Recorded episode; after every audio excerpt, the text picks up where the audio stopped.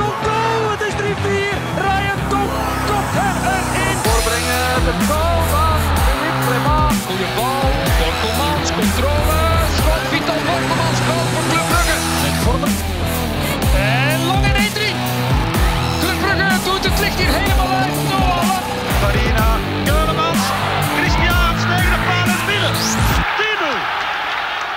Dag beste luisteraars, welkom bij de allerlaatste aflevering van De Klokken, een voetbalpodcast voor en door Club Brugge supporters.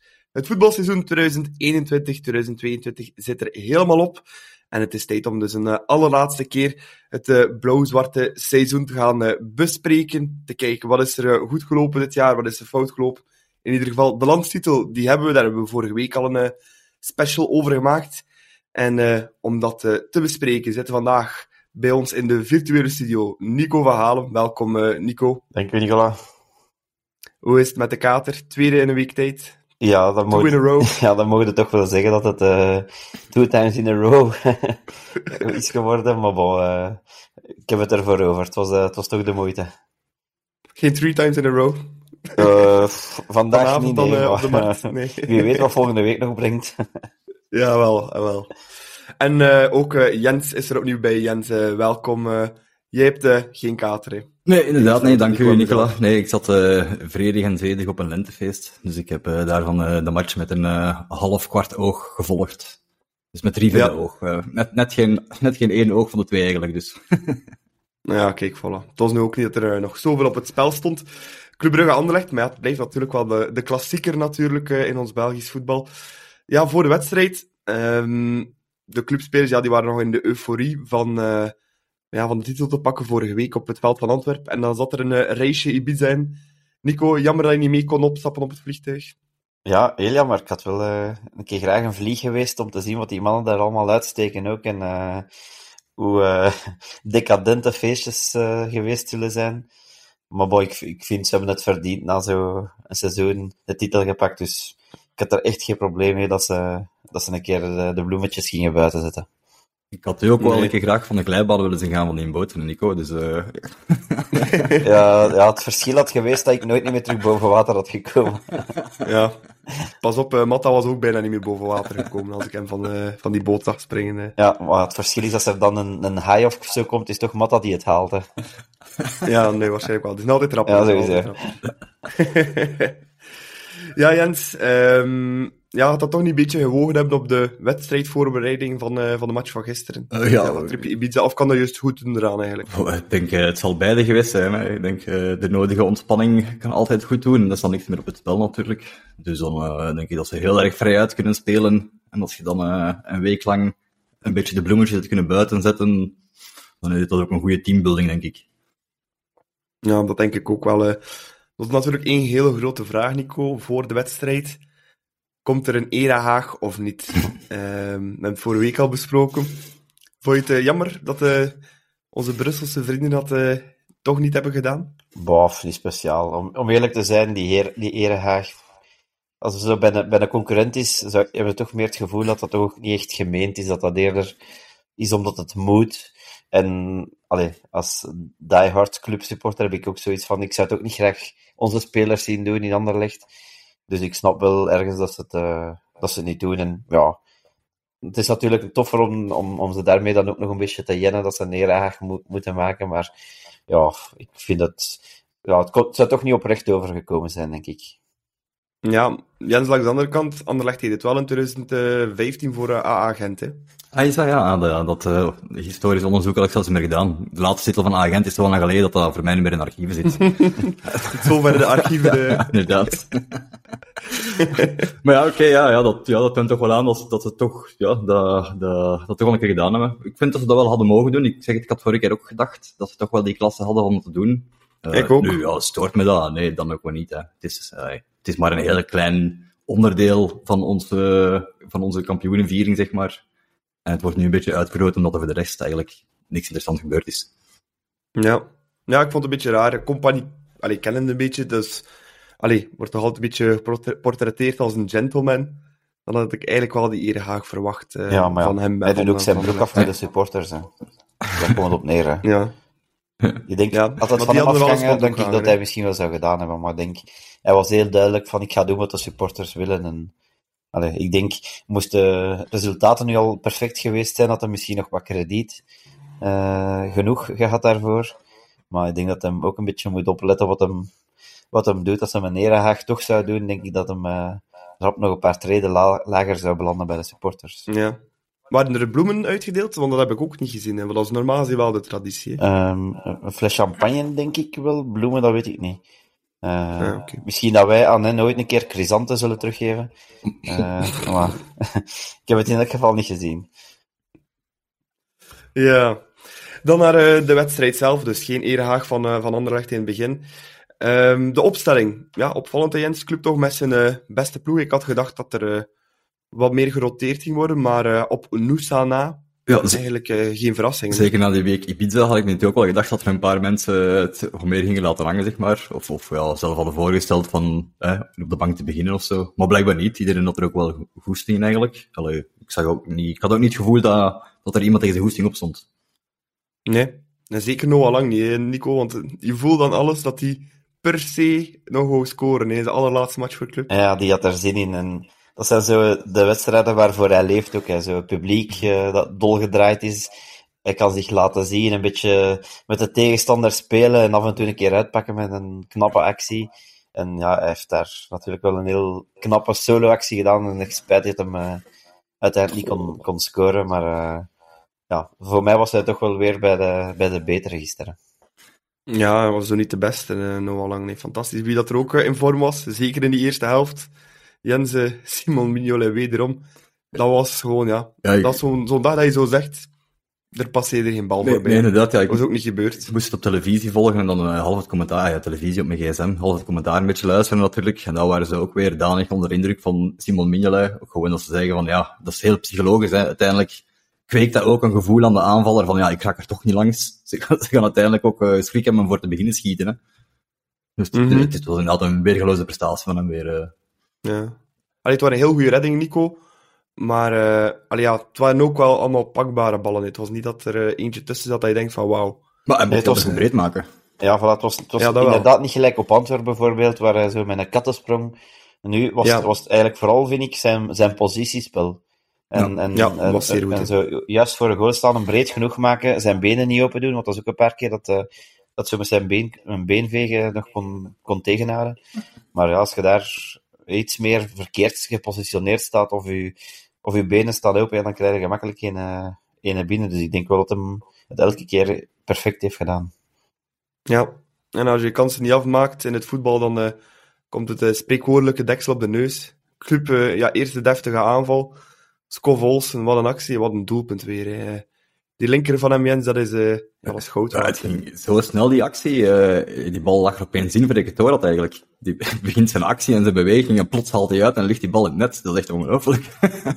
ja, ja je, ziet het ook gebeuren. Hè, en, en je denkt van, hoe kun je dat niet op verdedigen? Maar het gaat zo naar een rap, Nico. Ja, ja, ik had echt een, een, een Arjen Robben gevoel. Ja, dat is echt zo een, een, typische goal. En bij Arjen Robben weet je ook altijd van, hij gaat naar binnen komen en hij gaat schieten. En toch, toch lukt dat elke keer. En natuurlijk, wat hij ook wel heeft, hij heeft ook wel een geweldig goed schot. Hè. Uh, als je ziet ook met welke kracht dat ja, die bal binnen gaat. En hoe, hard en laag. Ja, dat is onpakbaar. Hè. Dat is echt in een, de keeper moet echt wel een superreflex hebben, of Simon Mignolet misschien, om uh, ja. die een bal tegen te houden. Maar ik denk ook niet dat Simon die bal had. Nee, ik denk het ook misschien niet. Nee. Keihard in ja. de hoek. Ja, het was echt, uh, en van Kroonbruggen is ook geen slechte doelman. Nee, nee het was echt een uh, knappe goal. Gelijk dat we hem kennen eigenlijk. Hè. Ja. ja, nee, Andreas Kovols uh, is toch iemand dat we heel veel plezier gaan hebben ja. volgend jaar ja. in, denk ik nog. Uh. Um, maar desondanks vond ik wel, bij de rust, had ik wel zo'n beetje het gevoel, ja, het is al uh, een gevleide voorsprong, hè, die, die 1-0. Het was nu niet echt om te zeggen verdiend, volg ik. Jens, vond je dat ook? Of, uh... Ja, oké, okay, maar ik had ook niet het gevoel dat de club echt hard op doorduwen was of zo, van proberen ook niet. Als je ziet zo, de, de showkers waarmee dan de ketelaar af en toe speelden en zo, ze waren er ook wel wat mee aan het dollen, zeg maar. Uh, ik denk, als het echt een match voor te winnen was, ja, dan was ons gevoel ook wel anders geweest, denk ik. Dan hadden ze er ook wel met een andere intensiteit aan begonnen. Ja. Ja, denk het ook wel. vond je ervan, Nico? Ja, denk het ook wel, inderdaad. Het was, het was gevleid, maar het was, ja, weet je, het maakt, je zegt dat het niet zoveel uitmaakte. En ja, uiteindelijk, we stonden voor. En ik denk wel dat ze de match wouden willen en, winnen. En vooral ook wij als supporter wouden de match, denk ik, vooral winnen tegen onze eeuwige rivaal. Ehm, maar ja, ik, ik, ik dacht eigenlijk wel dat het belangrijkste al gebeurd was nu, de voorsprong. En ik had eigenlijk wel gedacht Ja. dat we het gingen, gingen vasthouden, eerlijk gezegd. Ja, dat leek er ook lang eh, uit te zien. En de tweede helft eigenlijk vond de club eigenlijk beter dan in die eerste Ja. helft. Meer kansen ook. En dan, ja, eh, we hadden het er net al over, Noah Lang, die solo. Wat was dat, zeg? Vier, vijf man in de wind. En eigenlijk denk ik, hij werkt af, hij trapt tegen de paal, maar eigenlijk denk ik, volgens mij kon hij nog van Kroonbruggen ook voorbij lopen. Ja, Dat was het helemaal. ja was op snelheid, hè. Ja, Ja, spijtig. ik denk als hij doet, ja. Het doet me heel hard denken Dat aan, mooi die- geweest voor hem. aan een Hazard-actie gewoon. Hè. Dat, is- dat is, Ja. De goede Eden deed dat in Chelsea. Hè. Dat, dat was zijn, eh, zijn kenmerk. Hè. Dat is Ja. plezant om Ja. een keer op uh, Jammerel te zien. Ja, ik denk dat ze er in Milan ook wel eh, veel plezier van gaan hebben. Als hij naar daar gaat, eh, de geruchten eh, doen toch de ronde dat hij eh, richting de kerstvers Italiaans kampioen gaat gaan. Nico, past hij daar uh, nog wel lang? Ja, ik denk het wel. Ik denk, ik denk wel dat hij daar, eh, dat hij zich daar kan laten zien. Ik denk als een Salamakers daar kan slagen, dat Noah Lang daar ook zeker kan slagen. En ik heb ook gelezen dat Origi allicht misschien ook naar daar gaat. Ja. Dus dat is wel tof om volgen dan, denk ik. Als hij met Origi en eh, Lang in de Ja, ploeg lang, Leao, Ja. Ibra- en Ibrahimovic voor ze nog een beetje Ja. te, te Ja, trainen. dat zou wel mooi zijn. Ibrahimovic Ja. had lang samen. Dat lijkt me wel een, eh, Ja. een leuke kleedkamercombinatie. Als die twee overeenkomen, al- als Ibrahimovic lang een beetje onder zijn duim kan krijgen en eh, een beetje als een chouchou kan, eh Ja. En dan volgend ja, ik jaar denk dat al vonken tegen elkaar in de Champions League. Oh, zo zalig zijn. Club op Milan terug, terug naar San Siro. Ja. Ik er wel goede herinneringen Dan pakken we uh, Andres mee. Dat kan Voilà. Dus, eh, En dan die Verlinde misschien ook. Alhoewel, ja, Mignolet kan dat ook, hè. Ja, het is dat. Het is dat. En eh Mignolet was nog jonger dan Verlinden toen, want ik denk dat Verlinden toen eh 40 jaar Ja, dat was. ja. toen, volgens mij is hij al heel zijn leven 40 jaar, maar oké. dat... Ja, en dan voor mij persoonlijk het moment van de match. Ehm, de wissel van eh, ja, onze MVP van eh, de playoffs, Simon Mignolet, die gewisseld wordt. Prachtig moment. hè. Staande ovatie. En wat ik ook mooi vond, was eh, ja, de knuffel met eh, Hendrik van Kroonbruggen, ook keepers onder elkaar. Ja, het was al een, eh, allee, een mooi moment voor iedereen. En zeker voor Simon ook. eh. Ja, ja dat was heel, heel mooi. En ik denk, dat hij, ik denk niet dat dat afgesproken was. Ik denk niet eh, dat hij op voorhand op de hoogte was, want zijn reactie kwam echt heel spontaan over. En, en je zegt Mhm. dat hij dat het echt iets deed. Hij, hij zei daarna trouwens ook dat het een van zijn mooiste momenten al uit zijn lange carrière is. Dat is toch ook wel iets dat... Allee, is toch wel knap als, als je zoiets te horen krijgt. En ja, hij heeft er echt van genoten. En inderdaad, dat, de, dat van Krombrugge dan ook hem nog een keer eh, nog eens kon feliciteren met zijn knap seizoen. Ja, chapeau. was een, eh, een, Ja. een erehaag voor eh, Simon dan. Hè. Ja, wel, het is dat. Het is dat. Maar die verdient dat echt wel. eh. Ja. Wat ik wel raar vond, ik was vandaag ook naar een andere voetbalpodcast aan het luisteren. Eh, en daarin werd er gezegd dat dat vernederend zou geweest zijn, dat de keeper hem gaat wisselen. Ja, dat had ik ook gehoord. Ja, ik vind vroeg me dan ook af heel- van waar dat kwam, inderdaad. eh. Ik vind hem wel een heel vreemde uitspraak. Ja, Allee, ja, ja. Dat was toch alles behalve vernederend, vond ik. eh Ja, dat voor niemand. Slaagt op Nee, dat gevoel had niemand volgens mij, dat het buiten dan ja, de podcast-host daar. Ja. Misschien ligt aan zijn nieuwe haarkleur. ja, en dan op het einde, ja, je denkt, ja, club gaat het volhouden. Lammers in de goal. Ehm, dus voor Mignolet. Ja, en dan toch nog die tegentreffer. hè. Dat was toch nog een klein beetje zuur. Zeker omdat ook, ja, een Piet goal is. Gelijk dat we hier zeggen in Brugge. Eh, Ja, het was... Bal die afwijkt. Ja, en die ging er, die ging er in geen honderd jaar in, hè. Dat, dat ging echt nee, nee, kijk, kijk, ver naast gaan. En nu raakt hij dan toch nog en dan... Ja, ook... Ja, die El, El Hadj. Ik word al nerveus als ik, als ik hem zie, eerlijk gezegd. En... eh Ik vind hem wel niet slecht. nee. Nee, nee, nee, nee. eh, Hij kan, hij kan wel iets, maar pff, ja, ik- ik heb het er toch niet zo voor. En, ja, het is echt een Piet goal, maar bon, we moeten eerlijk zijn. Als, we, als ik denk aan onze goal van eh, Buchanan tegen Union, eh, of misschien zelfs ook tegen Antwerp, denk ik dat we Ja, ja, dat. misschien ook wel wat Piet goals gemaakt hebben al. Wat, Nee, dat mij vooral stoorde eigenlijk was zo de manier waarop het dan gevierd werd door de bank van Ja. Anderlecht na die goal. Company Dus, had weer de Champions League gewonnen in zijn hoofd. Voor, voor het minste vieren die mannen alsof ze alles gewonnen hebben. Dat, ik versta dat niet. Dat, dat, is, dat is zoiets wat dan een psycholoog hem ooit verteld heeft. En dan zit in zijn kop nu en dat kan er niet meer uit, denk ik. Ja. Ja, nee, ik vond dat ook opvallend. Inderdaad, Company was daar eh, als een eh, bezeten aan het vieren, maar ja, het, is, het, is, het slaat op nergens. Ik bedoel, eh, je zei derde, de club is eerste, het gaat niks veranderen. Allee, ja, eh, ja. maar gelijk gezegd, Ik vind een, dat toch vrij... Toen een beetje denken aan vorig jaar, toen we naar kampioen kwamen spelen, Ja. dan de 3-3 in de laatste minuut. ja. Maar mo- Eh, dat Company daar ook helemaal wild werd van het feit dat club kampioen werd. maar mocht het nu gewoon, een veld, mocht het eh, nu een mooie uitgespeelde actie zijn of zo, maar nee, het is dan zo'n dwaze Piet gewoon, gelijk gezegd. Ja, dat... ja. ja. ja, ik vind het ook een beetje vreemd. eh. Wel één pijnlijk iets dit seizoen. Niet kunnen winnen van Anderlecht dit jaar, Nico. Dat is toch iets dat een klein beetje prikt. Hè. Ja, ja, dat is waar. Dat, Vier keer gelijk. ja, Niet verloren ook. nee, nee, maar ja, bon, met de huidige machtsverschillen toch wel tussen beide clubs, vind ik het toch wel echt jammer dat we, zeker thuis, eh, geen enkele keer hebben kunnen winnen. In, in Anderlecht gelijk spelen, op zich kan ik meestal wel mee leven. Maar thuis hadden we toch wel, eh, gisteren het heeft het heeft maar een paar minuten gescheeld uiteindelijk. En ja, dat is toch wel spijtig, maar Ja, we gaan dat volgend jaar goed maken. Hè. dat. Wel drie keer een voorsprong uit handen gegeven, hè, Jens, tegen Anderlecht. Dus toch een beetje veerkracht bij de van Compagnie. Eh, nee, dat is waar, ja. Dat is goed dat je het zegt. Eh, ik was het ook wel even vergeten. Maar dat is iets waar we aan moeten werken dan. Als dat een Ja. trend is, dan weet je waar dan moet bezig eh, zijn. Hè. Ja, en dan eindigen we de play-offs, Nico, met, als ik eh, goed tel, 50 eh, punten. 14. Met 14 op 18, denk ik. Eh, En, eh, goh, nu moet ik even snel 14 nadenken. op 18, hè, ja. Twee keer gelijk. Ja, 14 op 18. Ja. En in totaal 50 Dat punten, ik- dat is eh, knap, hè? Ja, dat is heel knap, vind ik. eh beste play-offs ooit van club. Ik denk het wel, hè. Eh, ik denk, Allee, ja. Natuurlijk, ja, dat- het is moeilijk te vergelijken, want daarvoor waren het 10 matchen. Nu zijn het er natuurlijk maar 6. dus je kunt ook moeilijk vergelijken eh, als er meer matchen waren. Maar ja, dat je geen enkele wedstrijd verloren hebt, dat op zich is eigenlijk al, eh, al een serieuze prestatie. Als je met de eerste Mhm. vier in een, in een playoff fase zit. Dus ja, ik vind het toch wel heel knap wat we gepresteerd hebben in de, in de playoffs, ja. Ja, en ook maar twee goals tegen. hè, Jens. Dat is denk ik wel een beetje de key geweest hè, van, eh, van deze play-offs. Ja, maar daarvoor hebben we inderdaad al uitvoerig onze MVP bedankt. Hè. Ja, nee, dat is waar. Dat is waar. Maar ook de verdediging heeft Ja, maar zeker zijn steentje bij bijgedragen. Dat klopt, ja. Sinds dat Schreuder er is, dat duidelijk ook eh, super. standvastiger. hè. Ja. Ja. ja, en dan was het seizoen eh, afgelopen. Het laatste fluitsignaal. En dan wel, komt er dan, eh, Nico, een pitch invasion, uiteraard. Ja.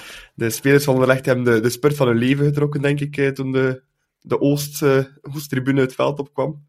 Eh als chance dat daar niet tot uh, schermutselingen is gekomen. Ja, ja, ik denk dat Wesley Hood, denk ik, eh, de snelste sprint van de hele wedstrijd heeft gedaan daar. maar inderdaad Ja. wel een chance dat het, eh, dat het daar niet verder uit de hand is gelopen. Ja, weet niet erg jammer dat er geen ereronde is kunnen plaatsvinden dan. Ja, ja dat is ook, En daarna dan pas een ja, dat is ook de reden waarom ik toen, toen ook wel nog ben blijven staan in het stadion zelf, omdat ik ook dacht van ja, laat de spelers een, een ereronde maken, het eh, kampioenenfeest, en dan kunnen we eventueel daarna misschien nog het veld op. Maar ja, daar waren wij al een paar duizend voor die, die andere gedachten hadden. Dus eh, op zich, dat vind ik wel jammer misschien. Dat het, eh, ik heb geen probleem met de pitch invasion op zich, maar ja, dat had misschien een beetje later mogen, mogen komen en misschien ook zonder... Ja, misschien het moment dat de beker gewoon lucht Ja, voilà. En misschien ook dan zonder de, het te veel naar het andere lichtvak lopen. Ik had dan misschien Ja. liever gehad dat ze allemaal rond de clubspelers gingen staan. Maar ja, het zij zo. Ja, dat was, dat was toch wel opvallend, hè, Jens. Ik weet niet of je de beelden gezien hebt, maar eh, inderdaad, de pitch invasion komt. En ja, een heel deel gaat rond het eh, podium gaan staan, maar een eh, heel ander groot deel, die gaat eh, ja, middelvingers en andere voorwerpen gaan smijten eh, Ja, ik, ik heb- richting, eh, richting die ik uitsupporters. had de beelden niet gezien, maar ik had de kritiek ten aangelezen op de social media. Dus ik heb daarna wel de beelden wat bekeken. Eh, ja, ik vond de kritiek wel deels terecht. Hè. Het is ook, gelijk Nico ook zegt, een beetje gek als je kampioen wil worden. Zei het, ja, beter van de eigen spelers te gaan feliciteren dan van de uitsupporters te gaan lastigvallen, zeg maar. Hè. Of uitdagen. Ja. Ben je de kritieken terecht daarop, eh, Nico, of eh vind je dat dat moet kunnen? Ja, eh, ik vind dat een moeilijke, want ik vind, ja, ik zit zelf ook in de Oost en ja, ik snap de passie en, en de heat of the moment en Zeker. Het, en het twee jaar corona-gevoel waar je niks kon Ja. vieren, nu helemaal uitgelaten en dan nog tegen ander ligt, daar even kunt gaan, gaan jennen. Ehm, op zich, jennen, pff, heb ik geen enkel probleem mee. Dat doen we zelf ook genoeg waar, dat we, waar dat we zitten, denk ik. Eh, Mhm. Natuurlijk, als je met, met vuurpijlen gooien of zo, ja, dat, dat, dat keur ik helemaal af. Dus, eh, Ja, dat is in beide richtingen ook. Hè. Ik heb ook wel, want op, wel, ik was net op het VTM-nieuws aan het kijken voor de opname hier. ja, En daar sprak ik enkel van een vuurpijl van de rechtse kant naar de andere vak, maar dat is ook omgekeerd. Hè, dat ik eh, ja, wel, ja, dat toch is, eh, redelijk wat voorwerpen en... eh, dat is natuurlijk not, not done. Hè, dat, Nee, dat vind ik ook. eh. Maar ja, bon, gelukkig is het niet tot de echte incidenten gekomen. En dan was er uiteindelijk de viering op het veld. Toch altijd mooi. Het gaf alweer mooie beelden nadien. Hè. Op het moment dat die beker de lucht gaan, al die papiertjes de lucht in. eh, ja, eentje voor, eh, voor in te kaderen, nee, Jens. Eh, ja, de 18e, hè. Dus de 18e voor in te kaderen. Maar we hebben er niet allemaal alle Ja. 18 kunnen meemaken. Maar toch, de laatste jaren zijn we serieus gewend geweest. Eh, Ja, het is... eh, dus we zijn de vieringen eigenlijk al een beetje gewoon aan het worden bijna. Maar gelijk Nico zegt, met die twee jaar corona dat er is tussengevallen, deed het wel extra deugd. Dat toch een Ja. keer, enfin, ja, voor mij was het dan vorige week fysiek, maar nog een keer fysiek aanwezig kunnen zijn. Hè. Nog een keer Mhm. echt kunnen, kunnen meeroepen en eh, met de supporters meegaan. En ja, dat is echt, dat is meer, meer vreugde zo dan thuis, hè. Ja, nee, absoluut. absoluut. En ehm, daarna dan nog een stevig feestje op de plaats zijn, Nico? Of ben je daar niet meer geraakt? Wij zijn niet meer naar de plaatsen gegaan. We hebben nog op het veld nog eh, redelijk lang blijven hangen. Nog een beetje onneuzel gedaan. Eh, en dan weer in de kantine van, eh, van de Neust. Dan nog een feestje gebouwd met DJ. Ah. Dus daar nog redelijk blijven hangen, ja. Dat mogen we zo wel Ja. zeggen. En je knie lag open, had ik eh, gezien. Eh, ja, ja en, en, en eh, een deel van mijn zonnebril weg en ja, allemaal dingen die Ja. je zo de dag erna ontdekt. Ja, ik pleit ook zelf, ben ook mijn zonnebril kwijt. Ik ben nog naar de plat geweest, dat was eigenlijk wel plezant, want ze hadden een, een soort van DJ-boot in de lucht gebouwd aan de Oh. plaats. Dat was dat was wel veel ambiance. En de mensen bleven langer plakken dan de week ervoor tegen, ah ja, maar tegen Antwerpen. vorige Maar ja, week werden we weggejaagd ook, hè. Door de stewards op het einde. Allee, niet op de Ah, ja, op- maar aan, aan, aan ja, Breidel zelf was het toen. Nee, dat klopt, dat klopt. We hebben DJ Maar ja. gesproken. Onze Peetje van der Rijden heeft nog wel een DJ-set te goed natuurlijk. Hè? Dus, dus de volgende thuismatch tegen Anderlecht mag Ja. toch Ja, de volgende play-offs zouden we wel echt regelen, dat, hè, hè. want eh, jammer genoeg lagen alle DJ's al Ja, ja, hij zag Voor, het, ik heb hem gestuurd, hij zag het echt wel zitten, maar ja, de club had eh, inderdaad al eh, van alles geregeld en ja. En dat die ons niet betrekken in hun plannen. Dat kan toch niet eigenlijk? Nee, nee, dat is not done. Not done, not done. Ja, en eh, op dit moment, eh, het is nu intussen gedaan, denk ik, was er ook eh, de viering op de markt. Maar ik heb ook zoiets, ja, een derde feestje op een rij, voor de derde keer hetzelfde te vieren, is voor mij eh, er eentje te veel aan. Dus eh, Ja, ik ben thuis gebleven vandaag. ja. Het was ook een beetje uitgerekend, denk ik. Ja, Ja, ik zag ook niet zo superveel volk eh, op de foto's. nee, maar ja, het was ook misschien ook wel een beetje het, het uur ook. Hè. Op de maandag om 5 uur 30 dacht ik dat het al begon. Is het ook al, eh, ja. En ook Ja. iets minder spontaan. Zo vorige week na, na die match tegen, tegen Antwerp. Ja, iedereen was in euforie. Eh, dat was spontaan, eh, ja, extase voor iedereen. Nu, ja, Ja, ja. ik heb inderdaad al twee keer gevierd en ja, oké. Volstaat blijven vieren zo, hè. Ja, voilà. Dus, ik- het is al heel mooi geweest de voorbije weken. Ja. Eigenlijk, als, ik- als ik het zo heb zitten bedenken, eigenlijk als het beter... Alleen net als de match van Union, de match van gisteren vervroeg naar 1 uur 30 bijvoorbeeld. Ja. En dan gewoon direct daarna aansluitend eh, dat feestje op de markt gaan. Maar ja, dat moet natuurlijk ook kunnen met politie en Stadbruggen. En, Ja. eh, dat was wel het ideale scenario geweest, Ja, denk ik. Ik denk dat de helft van de neus dan nu nog aan de fax stond van, eh, van de bezoekers. Voilà, dat was eh, onze laatste wedstrijd eh, van het seizoen. Club Anderlecht dus eh, 1-1 geëindigd, maar we onthouden voornamelijk het beker in de lucht steken en het leuke feestje achteraf. Ehm, vorige week hebben we een leuk spelletje, Nico heeft een leuk spelletje gelanceerd via onze sociale media. SOS Mannaert. Ehm, we hebben aan onze ja, luisteraars en volgers gevraagd om een soort van stelling gesteld. En dat was, als je drie spelers mag halen uit de Jupiler Pro League, eh, die meteen mag transfereren naar club, welke drie neem je dan? Nico, we hebben wel heel wat inzendingen gehad, hè? Ja, dat mogen we zeggen. Het, ging, het kwam op alle kanalen redelijk eh, vlot binnen. En ja, het viel wel op dat er heel veel namen terugkwamen. Ehm, ik zal, wil ik al een overzichtje geven? Of, eh, Ja, wat was zo de, bijvoorbeeld de, de, de meest terugkomende naam? de, meest, de meest gekozen naam was Nielsen. Dus als het klopt dat Club ermee bezig is, ja, dan is die precies in elk geval welkom volgens de supporters. Ehm, de tweede meest gekozen naam is ja, iemand die ik er eigenlijk van in het begin al wou inzetten. En dat ik dacht, ik ga misschien de enige zijn. Het gaat over Vinicius Souza van, eh, van KV Mechelen. Maar dan Ja. kwam dat juist in de media. Dat de club Ja, dat was ook juist het moment dat in de media kwam dat die eh, Ja. club er ook... eh, ja, voilà. En dan ineens, nu werd hij door, eh, door bijna iedereen ook genoemd. Dus als, als tweede meeste naam naar voren gebracht. Dus eh, dat was wel ook iemand dat blijkbaar door de clubsupporters graag bij club zou worden gezien. En dan de, de derde meest gekozen is Rabbi Matondo van, eh van Cercle. Ja, was cirkel. Ja. ja. Dus dat is ook wel iemand die eh, heel vaak gekozen zijn. Die, die drie die staken er echt bovenuit qua, qua cijfers. Eh, voor de rest, eh, Zorgan van Charleroi werd, eh, werd vaak gekozen. Ook Toru, Toru Nariga van Agent Maar Gent, kwam ook ja, geregeld terug. Ehm, ja, en dan ja, Storm Sebawi. Waren er ook, waren er ook troll, troll-inzendingen, of niet? of viel het mee deze Ja, keer? ja, ik had zelf één, één opgestuurd. eh. Wacht, wie had ik nu weer? Birger Verstraat en Wesley Hoed en eh, Raman. Raban. Ja. Eh, Ja, voilà. Zo vonk gegeven. ja, ja, ja. Buiten mijn troll-inzending heeft dan iemand anders die gelukkig gekozen.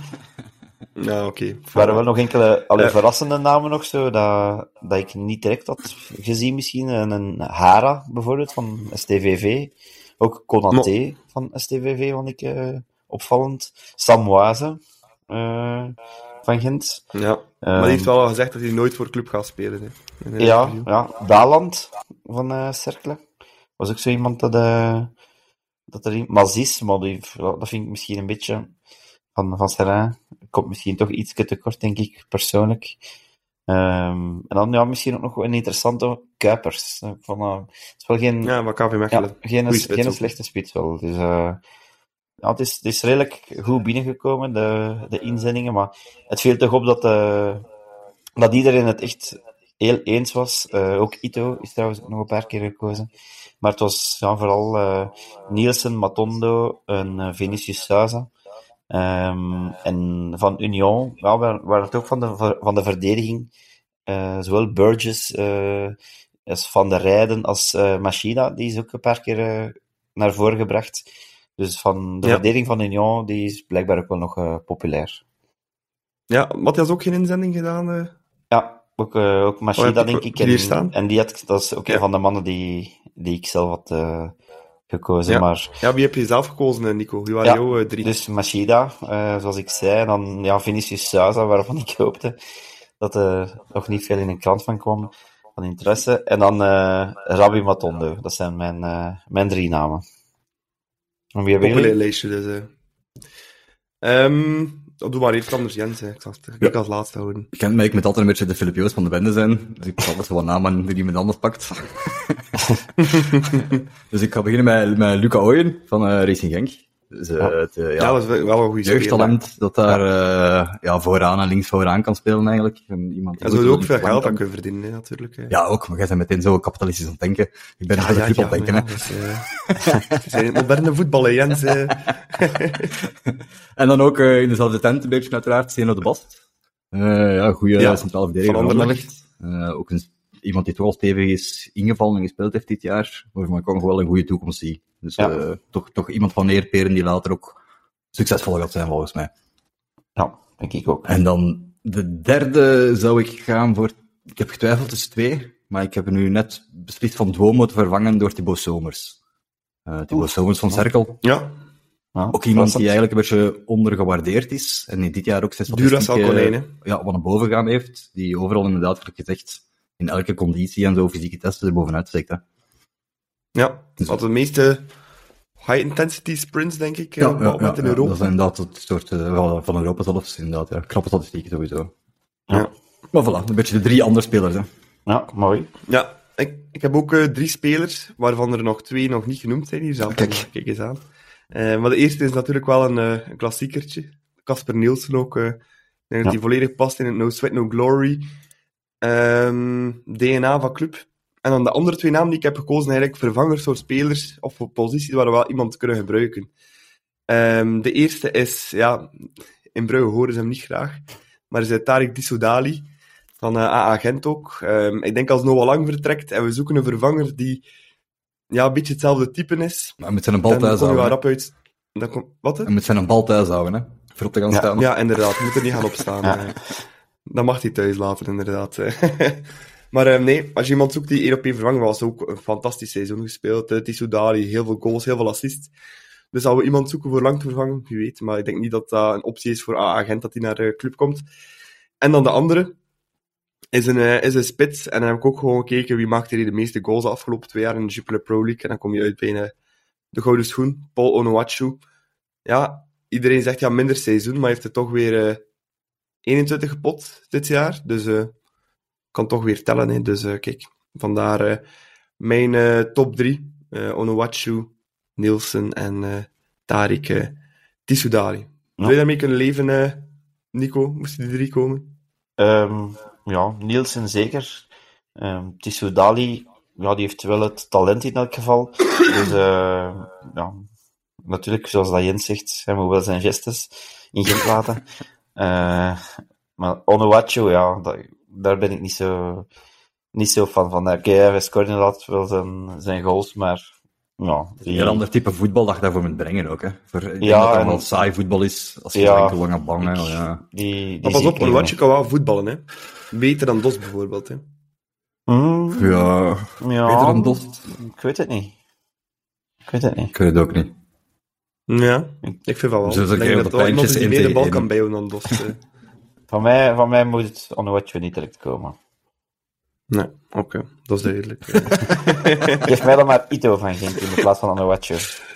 Ja, ja. Maar eh, een andere vraag dan, eh, Nico. Denk je dat we effectief spelers gaan halen uit de Jupiler Pro League nog deze zomer? Maar Nielsen zit er denk ik wel in. Ik denk wel dat Club hem graag wil, wil hebben. Als het van Club afhangt, denk ik wel dat hij dat komt. Maar ik denk dat Nielsen ook wel aanbiedingen van, van het buitenland heeft.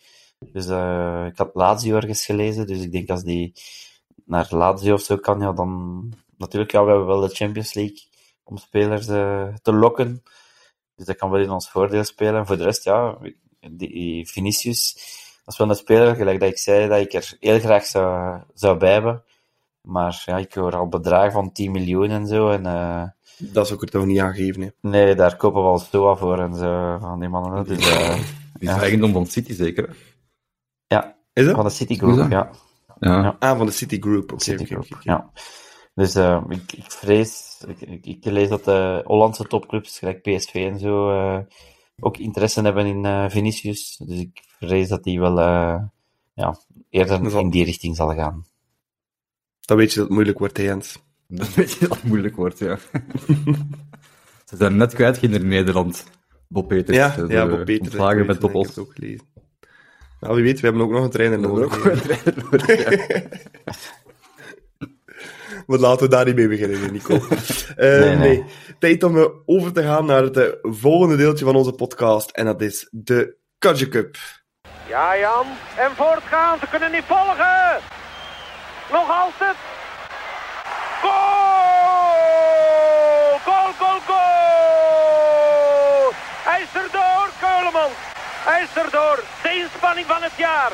De Kudje Cup, dat is de prijs voor de speler, medewerker, supporter of persoon die iets met blauw-zwart te maken heeft, die we deze week graag eens in de bloemetjes willen zetten. Elk van ons drie nomineert één persoon en daarna kijken we wie de leukste of mooiste nominatie heeft gegeven. En die wint dan de Kudje Cup. Nico, wie is jouw Kudje Cup voor eh, deze week? Wel, ik denk dat hij nog niet gekozen geweest is, of misschien wel al is genomineerd, ik weet het niet, maar ik ga voor onze coach gaan.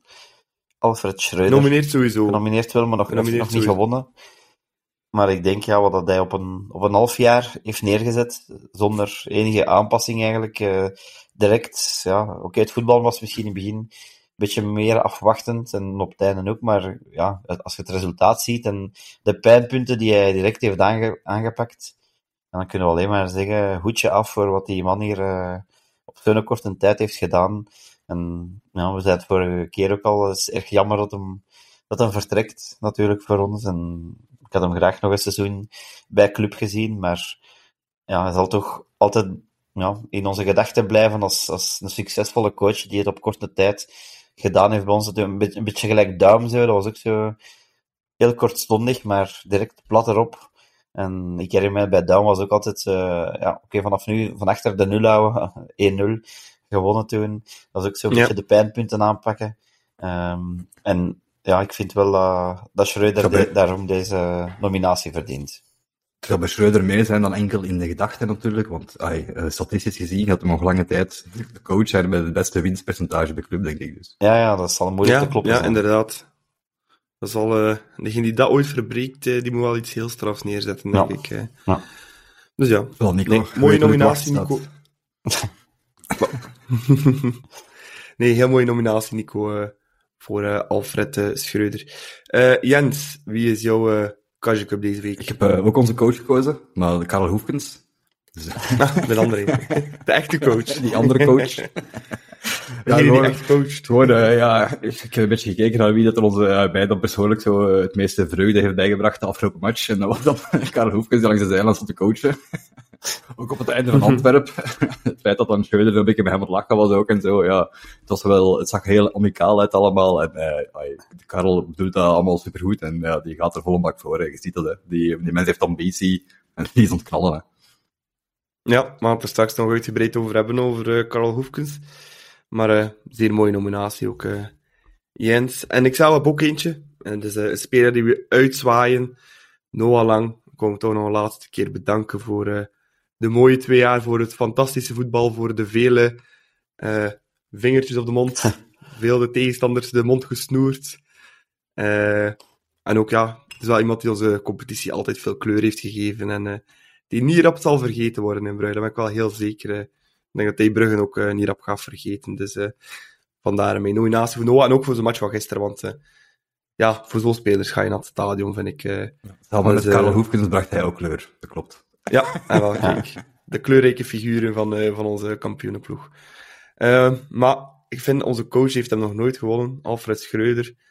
Ja. Jens, denk dat we wel kunnen akkoord gaan dat hij wint. Of Nee, nee, ik ben wel, eh, wel akkoord inderdaad. Hè, ja. Het is de kampioenenmaker geweest van sinds januari, hè, dus. Ja, en als Karel effectief coach wordt, dan gaat hij ook al nog genoeg de kans krijgen om, eh, Of coach om blijft. winnen. Hopelijk. Voilà. Hopelijk. Ja. En Noah is nog altijd niet weg, officieel. Dus hij kan hem nog Officieel altijd niet, maar- officieel nog... eh, Maar het kan zijn dat hij... Ik zie misschien wel nog een paar matches spelen eh, begin volgend seizoen. Dat kan. hmm, nee, in dat de denk ik niet. pre-season en eh, in de competitie kan, hè. Maar, Ik denk dat niet. Ik denk dat hij vrij snel zal vertrokken zijn. Ik denk dat ja. ook, ja. Allee, ik hoop het voor hem dat hij rap rond is, dat hij rap kan settelen Ja. in Milaan. Ik zie hem er echt slagen, Ja. Serie A. Ik denk het ook. Het me wel iets voor, eh, voor Noah. Ja. Eh, meer dan een Premier League of zo. Dus, Ja, zeker. Ja. Dus ja, en ook zo dat, ja, dat vurige in hem, dat past daar ook wel in Milaan. eh met Zlatan naast hem, ik zie het al helemaal voor me. Het gaat fantastisch worden. eh. de Rossoneri gaan eh, content zijn. Ja. Ja, en dan is het tijd voor een keer een recap te doen van het seizoen. Hè. Ehm, laten we beginnen bij het begin. De transferperiode van vorige zomer, Nico. Ik weet dat we daar laaiend enthousiast over waren in onze Transfer Deadline Day special. Ehm, maar dat bleek achteraf een eh scheet in een netzak, dat we hier zeggen. Ja, ja, inderdaad. En pas op, als, als, ik, als ik nu terugdenk aan die transfers, ik vind, ik vind nog altijd geen enkele daarbij dat je zegt van, dat vind ik onbegrijpelijk. Ik vond, eh, ja, Soa op, op dat moment vond ik dat geen onlogische transfer. Misschien was het bedrag een beetje overdreven, maar ik vond wel dat daar iets in zat. En als je de profielen van Mawassa, Otasowi zag, ook de, oké, ja, de YouTube-filmpjes die aanwezig waren, dan leken mij dat wel zo, ja, mannen dat je zei, ja, oké, ik snap die transfer wel, dus eh, misschien wel een goede keuze. En ja, ik denk als je, als je het achteraf ziet, hebben we natuurlijk serieus in vergist in de, transferperiode, maar op dat moment vond ik, vond ik echt wel dat het, eh, nou, dat het leuke profielen waren die ze binnenhaalden. Ja, op twee man na, Jens, want allee, twee echt geslaagde transfers van die zomer waren wel... Uh, allee, Jack Henry, denk ik wel, al zo zijn hele seizoen bekijken. En uh, Stanley Sokkie ook.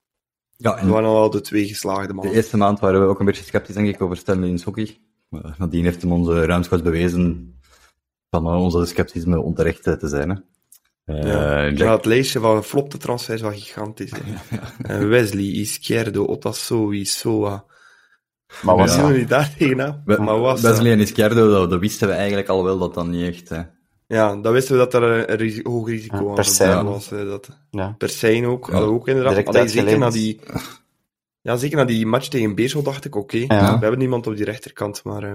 Ja, dat is allemaal vreemd. En allee, ik zeg het op zich, achteraf is het natuurlijk gemakkelijk praten, maar op dat moment vond ik dat wel allemaal logische en terechte keuzes eigenlijk. Mm -hmm. Ik denk dat de meesten zoiets hadden van, mm, ja, ja, tof, tof, kon goed, maar ja, je ziet, iedereen heeft zich uh, toch een beetje vergist, hè. Ja, nee, inderdaad. Uh, ja, aan het begin van het, van het seizoen ja, ging het ook niet allemaal van een, uh, van een leien dakje. Nee, zeker in de competitie, Nico. Ik herinner me ons hier nog wat afleveringen doen. Dat we ons frustreren aan de vele gelijke spel, spelen, vooral thuis. Denk aan de wedstrijd tegen Leuven, tegen Cerkel, tegen Eupen. Ja. ja, dat zijn toch wedstrijden dat ons ja, heel lang nog hebben laten doen achtervolgen op Union. Hè, daardoor, doordat we die wedstrijden niet hebben gewonnen bij van het seizoen. Ja, want uh, na na negen speeldagen hadden we al thuis gelijk gespeeld tegen, te, tegen OHL, tegen Eupen, tegen Cercle. Uh, hadden we ook al de zware 6-1 pandoring op Gent gekregen. Dus ja, vooral de start van het seizoen was redelijk frustrerend. En ja, was, ik er echt niet gerust in. En inderdaad, je ziet dan de andere kant van, van het verhaal, Union, dat dan op enthousiasme overal overwalst. Elke week wordt die ja, maar achterstand toen, toen namen ze nog niet serieus, hè, op dat moment. Ja, ik had wel zoiets van... Ik zie die niet als een pudding, pudding in elkaar zakken, eerlijk gezegd.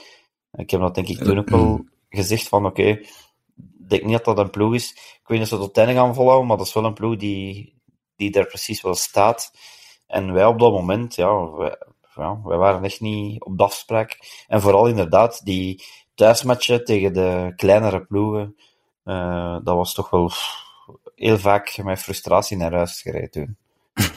-hmm. Ja, en Jens, iets wat dat wel uh, heel positief verhaal was, zeker in het begin, uh, was die Europese campagne in de Champions League. Loodzware loting, PSG, Manchester City en Leipzig. Ja, ik heb net al een keer het spreekwoord van Bob Peters boven gehaald. Ik kan het niet nog een keer doen.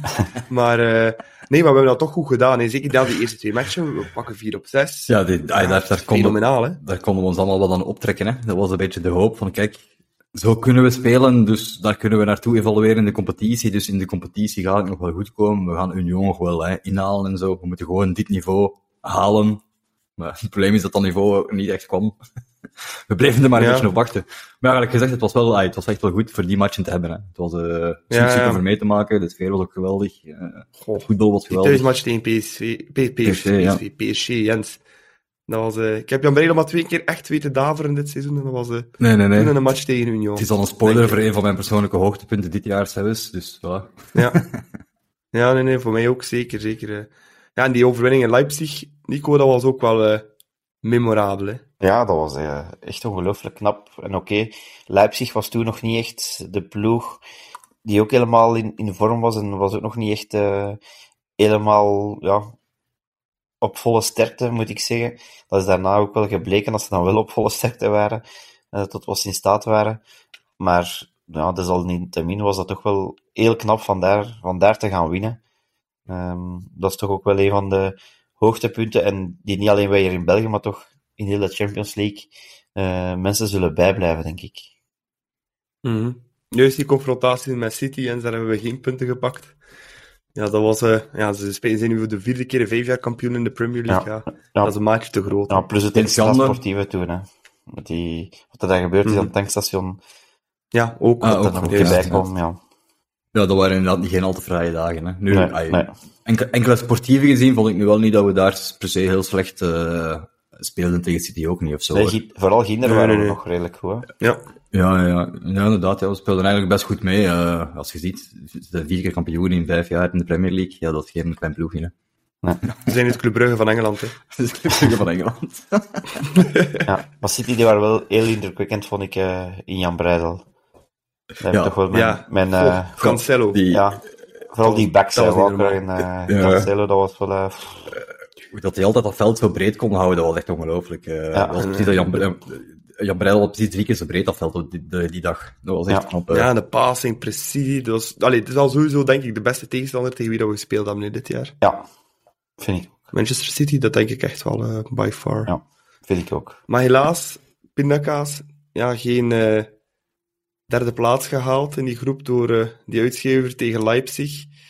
Dus ja, ik vond dat toch een beetje heel dubbel, die Europese campagne. Langs de ene kant heb je al de trots natuurlijk, van oké, we gaan een puntje tegen de PSG, we gaan winnen in Leipzig, maar om uiteindelijk met lege handen achter te blijven, ik had er toch wel een wrang gevoel over uh, nadien gezien. Ja, ja dat was wel... Het zat er echt in van... Het heeft er lang in gezeten om zelfs voor die tweede plaats mee te spelen. Maar dan moesten we dan ja, onze meerdere herkennen. Dan was het wel, kom die derde plaats. Maar dan, ja, die, die thuismatch tegen Leipzig, ja, die... Ja, daar hebben we het echt verloren natuurlijk. En ja, daar bleek Leipzig ook wel... Uh, als die op volle sterkte waren, dat er nog een verschil was met, met club. En ja, natuurlijk zo'n uitschakeling Europees. Ja, ten eerste positieve dat je daar kunt uithalen, is dan misschien dat het wat minder druk wordt in het schema en dat je misschien op dat moment kunt denken van, nou, misschien gaan we nu in de competitie wat meer rust, wat minder punten verliezen. Maar bon, ja, dat is hoe dan uh, een supporter of een sportmens mag denken natuurlijk. Dat, dat is altijd zo een, een, ja, kleine, ja, een klein pluspuntje, maar ik heb het toch liever niet. Gelijk als tegen een kreupel zeggen dat hem toch nog armen heeft of zo. Ik vind dat, dat, dat Europees vind ik toch een belangrijke eigenschap van ja. onze club. Dus, dus ja. dat is toch iets wat we altijd moeten streven, dat overwinteren. Dat is, dat is heel belangrijk. Ja. Ja, ja, en zijn ook onze ja, kampioenencoach, Philippe Clement, die kwam onder uh, serieus veel druk te staan nee, in Brugge. Ondanks de twee titels met club en eentje met Genk. Ja, dat was toch ook een beetje een, een ambetante situatie, om het uh, zachtjes uit te drukken. Ja, en dat werd een beetje ja, in de kaart gespeeld door de media ook, vond ik. Dus die waren er ook een beetje extra druk op aan het leggen, om dat een beetje te benadrukken. En dan ja, die ruzie met Vormer ook een beetje te benadrukken. Ja, het is, het is een beetje, ja, het is misschien niet onlogisch. We zijn ook uh, de grootste club eigenlijk, dus iedereen maakt een beetje jacht op ons. Hè. Dus die heksenjacht mm -hmm. maakt er misschien ook deel van uit. Maar ik vond Clement ook wel ja. een beetje slachtoffer zijn van een heksenjacht ook. Nu, desondanks ja. was zijn spel ook gewoon niet super, dat klopt ook. Hè. Nee, het laatste half jaar, uh, Nico Meijert was op, hè. dat voelde je aan alles. Hè. Toen uh, ja. heb je hier vaak ook gezegd in de podcast. Allee, ik, ik had dat gevoel toch. Ja, en dat is nog uh, altijd ja, ook een, een mogelijk keerpunt misschien wel in de competitie voor ons geweest, denk ik. Als je ziet hoe, hoe ja. dat we met Clement, ja, allee, alle lof voor Clement natuurlijk. We kunnen hem zeker niet afbreken, maar het was gewoon, het was gewoon opgelegd dat we al een paar keer herhaald hebben. En ja, ik denk dat we op dat elan moeten verder doen de, de dash was er zo'n beetje uit. Want ik denk niet dat we dan nog hadden, op die manier hadden teruggekomen, eerlijk gezegd. Dus ik denk dat het toen op ja, eigenlijk het, het ideale moment, het ideale scenario is gebeurd. We, hebben geen, geen coach moeten ontslagen. Hij heeft zelf geen gezichtsverlies geleden. In, in tegendeel, hij heeft dan ook een stap hogerop uh, kunnen zetten. En ja, wij waren dan op, op zoek naar een nieuwe coach. Dus het viel eigenlijk allemaal perfect samen op dat moment, denk ik. Mm -hmm. Ja. Jens, uh, denk jij dat we kampioen waren geworden met Clement? Uh, met de wintertransfers dat we gedaan hebben, denk ik het wel, ja. Als je die mee in rekening brengt, natuurlijk, ja? denk dat wel.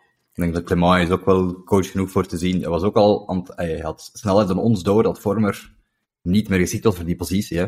Ik denk in het begin waren, ah, was ik toch ook zelf een beetje kritisch voor Clement en Vormer aan de kant zetten. Ja, ik zeg ik. ik spreek niet voor iedereen. Ja. iedereen de mening. toen, hè, toen, hè. Ja. Dus ja, naar mijn gevoel had hij dat wel sneller door ook. Uh, en, en ja, ik zeg het, is hem daar een beetje op afgerekend geweest. Uh, ja, door de media, door de supporters ook een beetje. Volgens mij had dat schip ook wel kunnen rechttrekken met de transfers. Ik weet, ik sta er een beetje als uh, lone wolf in. Maar ja, maar ik heb, ja, ik, ik heb er een andere mening over en ik denk dat Nico die mening met mij deelt. Want ja. ik denk niet dat we kampioen waren gespeeld met Clement dit jaar. Nee, nee. en gelijk dat we zeiden, dat we geen zonder Clement te willen tekort doen of zo, want hij heeft uh, ja, want hij Monaco heeft geleverd bij ons. gedaan, hè. Maar ja, soms is het gewoon op tussen een groep en, en, en ja, er zat gewoon geen fut niet meer in, on, in ons spel en, en ja, was, ja, we kregen te veel goals binnen op dat moment ook. gewoon. En ook vaak op dezelfde manier. Gewoon ene pas door het midden en eh allee, heel onze ploeg lag, lag open. Dus ik denk dat eh, ja, op dat moment denk ik niet dat we het eh, met Clermont nog hadden gered. Ja, en denk ook af en toe een keer zo een nieuwe trainer er is meten van tijd tot tijd. Ja, dat heeft ook wel wat extra... Allee, voor die groep ook. Spelers die niet in de kijker Ja. zaten, die zich terug kunnen gaan bewijzen en zo. Dus ik denk dat het toch wel... Het is, ik vind het vooral jammer dat Clement heeft statistieken nu van drie keer kampioen te zijn, zo vier keer op rij. Dat zou echt wel heel uniek geweest zijn, zeg maar. Eh Ja, ja, dat is wel waar. dus ik het wel nog half, deels is- half meetal voor hem. eh. Ja, ja, deels. Maar de- deels vind ik het ook wel... Deels de Clemens een titel, hè. Want al ja... Ja, tuurlijk. tuurlijk. Het is, het is een van, hij heeft, een fundering gelegd gedurende al die jaren natuurlijk. Hè, dus, Ah ja, eh, tuurlijk, absoluut. Ja, absoluut. daarom dat het ook heeft ook... Zo tof is voor hem dat hij het nu in Frankrijk voilà, uiteindelijk ja, ja, ja. ook nog zo goed gedaan. En hij uiteindelijk ook zo een hele knappe reeks daar, daar neergezet. Dus dat toont ook zijn kwaliteiten. Hè? beetje alles Schreuder, maar dan, eh, dan in Frankrijk. Ja, voilà. Philippe Clement. Ja, nee, en die tweede seizoenshelft, ja, Schreuder komt dan, maar eh Union ineens op een bepaald moment 12 punten voor Nico. Ja, ik dacht toen, shit, het Ja. gaat toch niet voor van de jaar zijn. ja, dat dacht ik eigenlijk ook wel toen. 12 punten, pff, dat is, toch al, dat is toch al iets. En vooral ook, wat ik dacht, dat is dat Union, die gaven gewoon ook niks weg. Die, wij moesten echt soms, ja, ja, batteren voor, voor toch de, de overwinning te kunnen, te kunnen pakken. En Union, als die dan een heel lastige match hadden, dan dachten we, oké, van het weekend is misschien de kans om dichterbij te komen. Maar dan wonnen die dan met, met 0-3 of 0-4 een keer met zo'n match op Charleroi, dat ik zei van, hmm, een gevaarlijke verplaatsing. En dan winnen die daar. En allee, dat je zegt, allee, wanneer gaan die nu een keer punten gaan verliezen? Dus dat begon zo wel wat frustratie op te wekken bij mij, eigenlijk gezegd. En ook al- als we een keer Ja. iets weggaven, als we een keer een doelpunt weggaven, dan kregen ze direct daarna een cadeau altijd. Dus dat is zo. Ja, Ja, ook ja, vaak, ja, ja. Ook vaak, ja, ja. Zo, gelijk de, de thuismatch tegen, tegen Cerkelen ook. Tegen Cerkel, hè, ja. Dat ze daar, Oh, die, die die dat je, ja, dat, je precies voor, verborgen camera was. Ja, en dan die spookpenalty tegen Gink. Ja. Dus, Ja. de- dus dat waren zo'n moment dat ik zeg, allee, dat kan hier toch zo niet blijven duren. Oh, dat Ja, was het echt bleef lang duren, die drie punten van Beerschot waren, nou ja, ik bedoel, dat is Ja. ook zo'n voorbeeld, dan is het op het einde van het seizoen, dus ja, het bleef toch maar duren. Ja, ja, ja. En, Ja, nee, absoluut. En hetgeen dat mij het meeste verontrustte was dan, zeker na die vier matchen dat ze daar speelden, tegen, eh, ja, tegen de grote ploegen, waaronder ook tegen Club, en dan 10 op 12 pakten. ja, ja. Dat is van, oeh, damn, Ja. als play-offs zijn, ja, dan... Die staan er wel, hè, tegen de topploegen. Dus. We, we konden ons wel opkrikken aan het feit dat wij niet verloren waren, hè, van die vier ploegen. Ja, maar bon, daar Ja. ook wel meer, met meer geluk dan kunnen niet Ja. van verloren toen. Hè. Ja, ja. Maar ja, als we heel eerlijk zijn. ja dat Dat moet je sowieso. kijken, hè. Ja, volgend Nee, dat jaar was, weten we eh, dat niet meer. Hè. Dat we- dat, dat hè. met, met, met, met geluk was. Maar de resultaten tellen natuurlijk. Ja. ja, en in de tweede seizoenshelft, ja, geen eh, Europees voetbal, maar wel de beker van België nog. Ehm, op zich wel nog een, eh, mooi parcours eh, afgelegd club. Genk uitgeschakeld. Eh na die penalties, dat was wel een, toch een opsteken doorheen het seizoen ook, hè, Nico? Ja, die ja. donkere dagen. Ja, de Gink uitgeschakeld en eigenlijk de twee wedstrijden op Gink. Ik vond de, de competitiematch op Gink nog straffer, want daar vallen we met tien. Ik weet niet nog En 2-3 herinnert. winnen, hè? We staan 2 en achter. En dan maakt de ketelaar toch nog de 2-2. En dan... Ik denk dat het lang was. Lang, lang met een, binnen- met een eh, mooie buitenkant voet. eh, ah ja, de 2-2, ketelaar was in een beker met- misschien. Ja, Ja, ja, de ketelaar was in de een beker beker. Ja, lang maakte de de 2-2. En dan Rika, die dan nog Ja.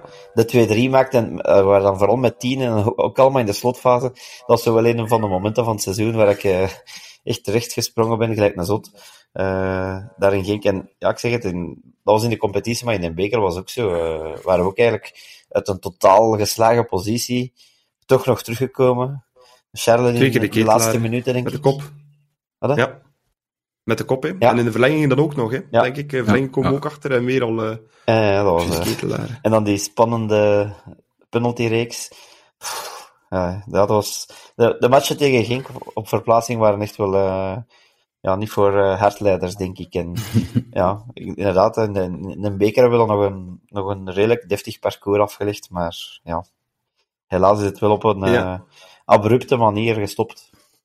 Ja, een beetje op een sisser, want we winnen die heenmatch, eh, Jens, ja, op een diefje in Gent, 0-1. Ja, en dan uh, ruik je al de bus uh, naar Brussel, hè, en het grote volksfeest aan de Heidel. Ja, ik was er half van plan eigenlijk. Tot, ja. tot het einde van de terugmatch. Mijn, mijn broer heeft volledig gejinxed. Die, is, die had al vluchten geboekt vanuit Dublin vooraf te komen. Oeh, ja. Ah, Oké, okay, ja, dat kunnen we inderdaad op zijn konto schrijven dan. Ja, dat is wel de Uber Jinx. Uh. Ja, ja, dat klopt. Hij is wel ja, afgekoopt dat weekend.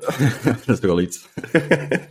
ja, wat dan gebeurt is die terugmatch, ik, ik kan mij altijd, ja, ik kan mij niet meer goed vergeten. Dat is al die negatieve momenten en ik was verdrongen. Ik weet enkel op een gegeven moment dat ik levensloos voor mij uit stond te kijken tot 0-3 werd, denk ik. mm -hmm. Ja, ook met die man dat met Odoi die rood pakte. Nico, ja, dat, dat was ook zo'n avond dat bij Gent alles mee zat, dat mee zat en bij ons alles tegen zat. Een beetje gelijk dat wij hebben gehad in de play-offs ook, ja, maar dan in ons voordeel. Ja, want als je, als je die, die beelden ziet in, in de eerste helft, hebben wij ook wel kansen genoeg ja, gehad ja. om te scoren. De, en die, die bal was daar niet in. En dan maken zij, ik denk dat Ojija zijn schot ook afwijkt, geloof ik, in een beeld. Ja. Uh, ja, één minuut en dan is die voorsprong al ja, dus dat was ook al... Ja, dus dat was echt zo... Ja, echt... Castro Montes met een, met een zondagschot. Ja. Ja, maar dan, maar we zeiden, maar moet Mignolet dat niet hebben, dat, waar, dat zo in, in, in een periode dat achteraf gebleken is, dat hij, dat hij dat wat niet doen, had. ja, ja. ja. Wat we allemaal zeiden van... Het is eigenlijk ongelooflijk, toch ongelooflijk dat we Mignolet dit seizoen op bepaalde momenten in vraag hebben gesteld. Hè. ja, ja. Allee, echt zware vraag niet, maar toch dat er uh, ja, maar... veel kritiek op was van ja. Dat is het probleem, als er zo een paar van die flaters Allee, flaters, ja, tussen uh, aanhalingstekens. Als dat zo kort op elkaar volgt, hè, dan ja, ontduid, ont, ont, ontduid je dat makkelijker en, en ja, volgt het zich snel, zichzelf snel op en dan, ja, ja, dan een keer domme dingen zeggen natuurlijk. Maar ik vraag me ja. als je dan, als, als je keeper weet dat je geblesseerd bent en dat dat last heeft op je prestaties, waarom dat je dan niet, ay, soms een eigen keuze van te spelen altijd? Want we hebben, ay, we hebben een Lammens zitten die ook goed kan keepen. Ja, maar ja, het zal, het zal niet zo erg geweest zijn, denk ik, dat hij ja. helemaal niet kon spelen. En het is ook niet dat hem echt, allee ja, hij deed af en toe dan is een, flaterke, maar het is niet dat hem rotslechte matchen ineens begon te spelen, ook niet. Hè. Hij heeft nog altijd mm -hmm. geregeld wat saves uit zijn naar mag Nee, ook niet, maar inderdaad, als je, als, je, als je pijn hebt en je vertrekt daar net iets laat of zo, ja, dan, dan, dan als topkeeper, ja, dan mis je dat voor ballen met, denk ik. Hè. Ja, ja, maar ik denk, ja. we hebben zo'n goede medische staf, dat die denk ik wel... Ja, ik ga er ook vanuit dat ze het wel ja, zullen, zullen oordelen. Is, voilà. Het is maar een ja. bedenking. Ja. ja, en op het moment dat, uh, dat je denkt, oei, Union, 12 punten voor, ja, het gaat, uh, het gaat heel lastig worden voor die derde titel op rij te pakken. Er komt een grote remontada, hè, Nico. Ik denk dat we 9 of 10 matchen op rij winnen. 9? Ja, het zal zoiets zijn, denk ik, ja. Uh, okay. Tot aan het gelijkspel tegen Anderlecht, ja. maar... ja, het zal zoiets zijn op het juiste moment pieken noem ik dat dan. Ja, ja, helemaal juist. Eigenlijk een beetje het omgekeerde van, van vorig seizoen, waar we in de competitie mm -hmm. een, een, een mega grote voorsprong hadden uitgebouwd. Oké, okay, ja, dan hebben daar die halvering gehad, waar we natuurlijk wel heel veel punten kwijtgeraakt zijn. Uh, maar vaak gebeurt dat ook bij Club dat je dan in de play-offs het een beetje laat afweten, of dat het toch enorm heet onder de voeten wordt. En dit jaar hebben we dat eigenlijk uh, helemaal omgedraaid. Hè. Nu hebben we tegen het, tegen het einde toe echt beginnen pieken en om in de, in de playoffs echt te knallen en uh, helemaal lijken naar ons toe te trekken. Dus uh, ja, dat is wel een, een leuke apotheose. Ja, Jens, als we dan zo de parallel trekken tussen vorig seizoen en dit seizoen, waar denk je dat dan het verschil ligt dat we dit seizoen zo goed presteren in die playoffs en vorig seizoen ja, dramatische playoffs spelen. Oh, veel psychologisch, denk ik. Hè. Ik wil zeggen, als je zo die grote punten uh, halvering krijgt, je hebt zoveel voorsprong, dan gaat plots weg.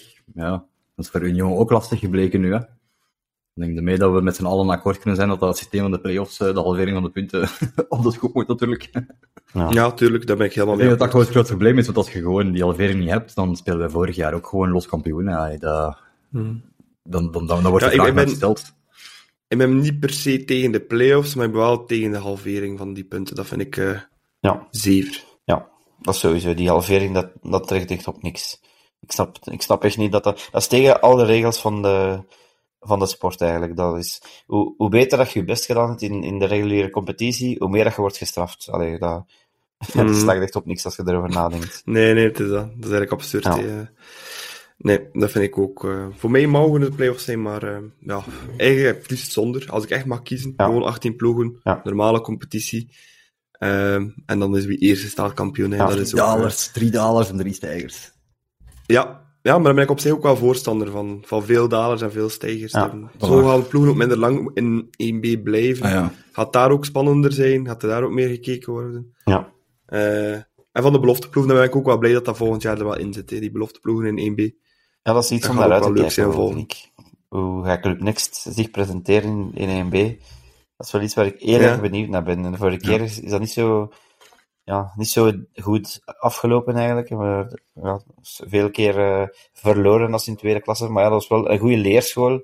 Ja, voor de als je mannen. kijkt wat dat, eh En dat was belangrijkste League hebben uiteindelijk. gedaan. Dus Als je kijkt wat dat we in Youth League hebben gedaan dit jaar. ja, voilà, het is dat. Allee, is ik, ook, maar eh, ik ben echt heel benieuwd hoe dat ze het volgend jaar gaan doen. Ik ben ook wel benieuwd of Ja. dat het Club Next effectief Next gaat zijn. Dus wat de regels gaan zijn eigenlijk, hè, voor de belofteploegs. Want als je ziet eh, welke transfers dat Anderlecht aan het doen is voor, voor hun, voor hun Guillaume jongere Gillet. ploeg, dan Ja, Dat ik Ja, me toch ja. wel serieus de vraag. In YouTube Trust. Ja, ik weet niet, ja, als je zo even een, een Gillet of zo moet binnenhalen voor eh, ja, in 1B met de belofteploeg gaan spelen. hm. Dus Ja. de regels moeten wel Ja. belangrijk zijn daarin.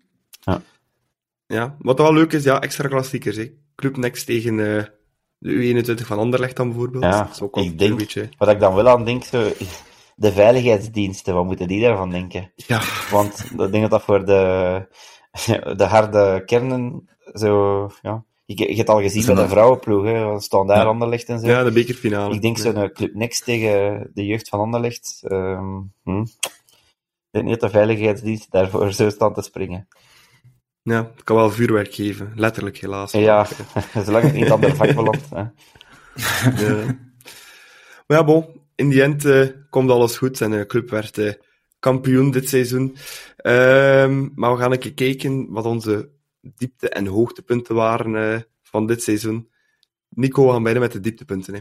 Eh, nu was jouw absolute dieptepunt dit seizoen. Ja, we hebben het hier al gezegd, er zijn er wel een paar geweest. Maar wat, ja, wat mij het meeste tegenstak was toch de bekeruitschakeling tegen Gent. Die 0-3 thuis tegen de Buffalo's. Dat was voor mij toch het meest pijnlijk, omdat ik echt nog eens zien had in een, in een bekerfinale. En het er dan naar uit dat het tegen Anderlecht ging zijn. Dus ik zag al, ja, ik, ik zeg het al, het scenario alweer voor mij. Eh, ik had die, die datum van de bekerfinale ook al in het groot in mijn agenda gezet. Eh, maar helaas eh, heeft het dus niet mogen zijn. En zeker als je dan, eh, oké, het was misschien onverdiend, maar dan toch met 0-1 gaan winnen op Gent in de heenmatch. Eh, en dan thuis het zo uit handen geven. Ja, dat was toch voor mij het, het dieptepunt van het seizoen, eerlijk gezegd. Mhm. Jens, wat was voor jou eh, dieptepunt van het seizoen? Ja, helaas de vierde plaats. En dan de uitschakeling tegen Leipzig, dan eh, specifiek, hè. Dus de thuismatch Die- tegen Leipzig. Die was 1-5. Eh, 0-5? hebben wij één goal gemaakt? Dat ben ik al even vergeten zelfs. In mijn hoofd is 0-5. Nee. Het zou gerust 1-5 geweest kunnen zijn, klopt. Nee, tegen City was het 1-5, denk ik. eh. Ja, ik denk dat, eh, 0-5 dan... eh, ja, ja, ik denk dat we daar, Dat is gewoon forfait. dat we daar tegen gescoord hebben. Ik zat eh, in mijn hoofd ook al eh, bezig met de Europese UE-days. Dus dan de hoop van een mooie tegenstander na de winter en zo. Ja, dan, Ja, als je dan plots zo'n match speelt, eigenlijk, want ik denk dat het vooral een omslag toen, en niet per se aan Leipzig. Die waren, oké, ze waren wel sterker dan ervoor, maar we hebben dat eigenlijk grotendeels aan onszelf te danken dat we er niet doorgeraakt zijn toen. ja. Eh, wat dat voor mij de grootste teleurstelling is dit jaar. Dus hopelijk kunnen we dat volgend jaar weer beter doen. Ja, dat was voor mij ook een eh, enorme bummer. Maar voor mij persoonlijk het eh, pijnlijkste moment, of het dieptepunt van het seizoen, vond ik, was op tweede kerstdag. Ja, ik ben zelf ook een bruggeling. Dus een derby verliezen is extra pijnlijk. Eh tegen Cirkel, ik denk dat het na acht jaar was. Eh, maar ehm, ja, de prestatie was ook echt onthutsend slecht. Eh 2-0 verloren, echt geen kans bijeengevoetbald. Ik heb die week... eh, belachelijk veel berichten gekregen van uh, groen-zwarte vrienden van mij. Dat was eh, niet leuk. Alle zeven. Eh alle, alle abonneesnamen, uh, die hebben mij allemaal berichten gestuurd.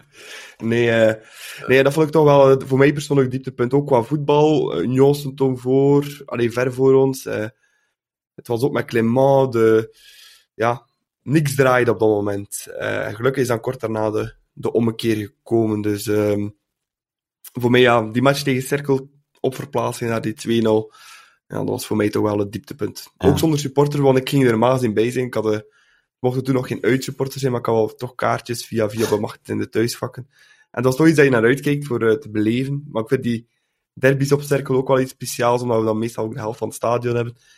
Uh, en dat mocht dan ook al niet. En dan ja, nog een keer 2-0 verliezen, dus het was helemaal om zeep. Uh, die dag, ja. ik weet dat ik woest naar huis ben gefietst. En ja, ik wou dat ik mijn gsm had afgezet die avond, maar ik heb dat dus niet gedaan. Helaas, maar bon. Genoeg over de dieptepunten. Gaan we over naar de hoogtepunten. Nico, jouw moment of hoogtepunt van het seizoen? Um, ja, het hoogtepunt voor mij was de overwinning op Antwerpen. De, waar we zeker waren van een titel. De kampioenenmatch. De kampioenenmatch, ja, dat was... Daar bestaat geen twijfel over. Ik zeg niet dat dat het keerpunt was, want dat was het niet. Voor mij was het uh, het keerpunt eerder de gemiste penalty van Van Zijr. Uh, want ik denk als we daar achter komen, dan, ja, dan zie ik niet, ons niet direct terugkomen misschien in die match. En dan ja, ziet de titelstrijd er ook nog... Misschien ook het kampioenschap niet, hè? Ja, dan ziet het er helemaal anders uit. En, uh, dus dat kan, is misschien een mogelijk keerpunt, maar het, echt het hoogtepunt, ja, dat was die, die zekerheid na die, na die overwinning op Antwerpen, die, toen, dat, toen en, dat Henry... welk specifiek moment dan? Ja, die, eigenlijk toen dat Henry de 1-2 binnenkopte. Dat was, dat was voor mij het moment van, ja bon, nu, nu komen ze niet meer terug. Ik, had, ik had misschien niet gedacht dat we nog een derde gingen maken ook, maar ik dacht, dat geven we niet meer af. En na die 2 van Henry was ik, uh, had ik wel het gevoel van, de titel is binnen. Dus dat was wel ja. het hoogtepunt voor mij. Je had de motor van je auto al in gang gestoken om naar Brugge te vertrekken. Uh, ja, het scheelde niet veel, ja. Jens, jouw hoogtepunt van het seizoen? Ja, een beetje. Dat het net al een beetje verklapt, hè? Gerelateerd een beetje aan een dieptepunt, maar dan uh, de positieve ervan. Dus de Europese campagne, de thuismatch tegen PSG. Maar dan de Zalig. sfeer van het 1-1. publiek. De sfeer van het publiek vooral. Hè. Uh, zelfs Jan Breidel zou weten ja, bruisen en bubbelen, zeg maar, als, uh, als die avond. Het zat er al van het begin goed Ja. in. Hè. Ook, ook, ook omdat dat uh, Messi zijn allereerste Champions League match bij PSG was. was De eerste keer dat, eh, Neymar, eh, Messi Ja, en eh. Mbappé samen speelden ook. Dus die internationale aandacht was een keer extra groot. Eh, en dan heel de wereld was eigenlijk aan het kijken naar, naar het clubje. Hè. En dat wij dan mooi gelijk kunnen spelen, ja, dat was echt wel fantastisch. Nou, dat was fenomenaal, hè. En oh, die sfeer. En ik, ik hoor vroeger altijd die verhalen van eh, Galatasaray en andere thuismatchen in Jan Breidel. Dat het echt zo daverde. En ik, ik zelf heb dat nooit echt veel meegemaakt van die echte memorabele Europese avonden. Maar ik denk die tegen PSG, dat je dat wel in datzelfde rijtje kunnen schrijven. Ja. Ja, ik denk dat Galatasaray... Allee, naar mijn gevoel, ik was, ik was misschien nog jonger, maar tegen Galatasaray was, ja, had ik wel het gevoel dat, eh dat sterren nog meer, nog meer daverden eigenlijk. Dat was echt, dat was echt niet normaal toen. Die, toen dat Saternes daar eh binnenknalt en verrijen en, en Sandy Martens, denk ik. Dat was, ja, dat was echt, dat was echt. Ook omdat die Turken, eh, ja, ook de boel in brand staken en, ja, dat was wel, Galatasaray, dat was misschien toch nog ietsje meer, maar PSG kwam wel aardig in de buurt, moet ik zeggen. Ja. Ja, fenomenale sfeer ook. Ik herinner me ook de, de Wonderwall na, na het laatste Oh, ja. Heel dat stadion. Ja. Kippenvel. Ja. Kippenvel was dat. eh. Ja. Ja, heerlijk moment. Mooi moment, eh, Jens, om als hoogtepunt te kiezen. Eh, en ik zelf heb ook een hoogtepunt gekozen. En ik ga niet voor de kampioenenmatch op Antwerpen, maar ik ga wel voor het keerpunt, zoals Nico het daarnet zo mooi benoemde. En dat was ja, de match op Union. hè. Eh, de gemiste penalty. En dan, ja, ik had zo het gevoel, die penalty wordt gemist. En dan had ik zoiets van... En nu gaat het in ons voordeel uitdraaien. Hè. En eh, ja, al die matchen eigenlijk in de playoffs altijd zo net die details in ons voordeel. En dan, ja, zeker die match op Union en de kopbal van Van Aken, als ik dan één moment eruit moet pakken. Ehm, ja, het café waar ik toen zat, eh, is toch ook eh, stevig van de grond gegaan op dat moment. Renden mensen in de armen gesprongen bij die goal. En dat was ook zo, ja. En nu staan we eerst. En ja, dat vond ik toch wel voor mij persoonlijk het hoogtepunt van, van het seizoen. Toch wel Ja. Die eh, overwinning op eh, Union. Maar ik denk dat eh, alle drie hoogtepunten zijn dat we toch nog lang gaan koesteren. hè. Ja, sowieso. Ik denk dat alle momenten in de, in de playoffs, al- als je daar al ziet, ja, gaat ook het, het Machida die, die die rode kaart pakt op ons veld, Mhm. waar, waardoor ze met 10 vallen en waardoor dat wij ineens beginnen te drukken en, en rap de 1-0 maken. Dat zijn zo allemaal van die Die keerpunten. 10 minuten, die, Die 10 minuten tegen Union Ja, thuis ja, waren dat was, dat was ineens eh, vol een druk. Eh, Oké, we scoren ook een lucky goal, maar dat waren allemaal zo keerpunten die, ja, die toch in ons voordeel begonnen uit te draaien. En ja, toen we ze thuis ook nog eens klopte, toen, ja, toen dacht ik wel, het is, het is, toch wel vrij binnen nu, denk ik. Ja. Ik was weer Jan Breidel, Jens, eh, die twee matchen, PSG en eh, Union. Dat waren, ik was weer al de hoogtepunten. Hè. Eh, ik denk het wel, ja. Ja, klopt. Dat zijn eh goede, eh goede hoogtes voor eh, opnieuw naartoe te werken volgend jaar toe. Ja, meer van dat, Nico. Ja. Hoe meer, hoe liever. Ja, en dan eh, mooie momenten hangen er ook altijd, eh, of soms, mooie goals. Dit seizoen eigenlijk niet zo superveel. Maar Nico, je hebt wel een lijstje gemaakt met eh, de mooiste goals van dit seizoen. En misschien kun je daar wel samen een eentje uitpikken om eh, ja, te kiezen goal, als goal van het jaar. Hè. Ja, oké. Ik heb, eh, ben beginnen kijken van eh, de eerste speeldag tot op het einde. En eh, de eerste die mij direct opviel was die van Sobol. Zijn volley op Union. Op Union. Ja, dat was direct in, in, ja, de eerste knappe goal en die direct ook kon tellen, denk ik. Ehm, dan was er die van Persijn, een club Beerschot. Ook een volley. Dat was ook wel een goal die mocht gezien worden. Ja. En dacht men, ook een enorme snelheid, als ik mij niet vergis. Dat die Ja. was, eh, ja, was binnengevlogen. dat was ook boven de 100 per uur, denk Ja, ik. ja, dus dat was ook wel echt een, eh, een beauty. Ehm, dan was er de vrije trap van Vormer, Club Kortrijk. Dat zullen misschien niet iedereen zich nog herinneren. Maar dat was... eh, Heeft hij niet twee keer gescoord, die match ook? ja, ik denk het wel. Ja. Als ik mij goed, als ik het mij goed herinner, heeft hij toen twee keer gescoord. En deze was een vrije trap. En ja, kort en ook binnen, dus heel mooi, heel mooi getrapt. Ehm, de volgende was Charles de Ketelaar. Ook weer een volley. Ehm Club Standaard. Met de, de eerste keer in onze, in onze nieuwe truitjes. Dus, eh, Ja, de classic. Heritage. ja. Veel Ja. geluk hebben ze niet gebracht. We hebben maar één match erin gewonnen, denk ik. Hè. Ja, dat, thuis eh, tegen Antwerpen niet... eh. ehm, en ik denk dat we er ondertussen... dat, of KV Mechelen. KV Mechelen laatste match voor de playoffs, denk ik. Ja, ja, ja die, hebben we, die hebben we inderdaad gewonnen. Maar ik denk dat we... Hebben we er ondertussen niet nog, nog meer gewonnen? Ik weet het niet van buiten. Dan een keer moeten nadenken. Oh.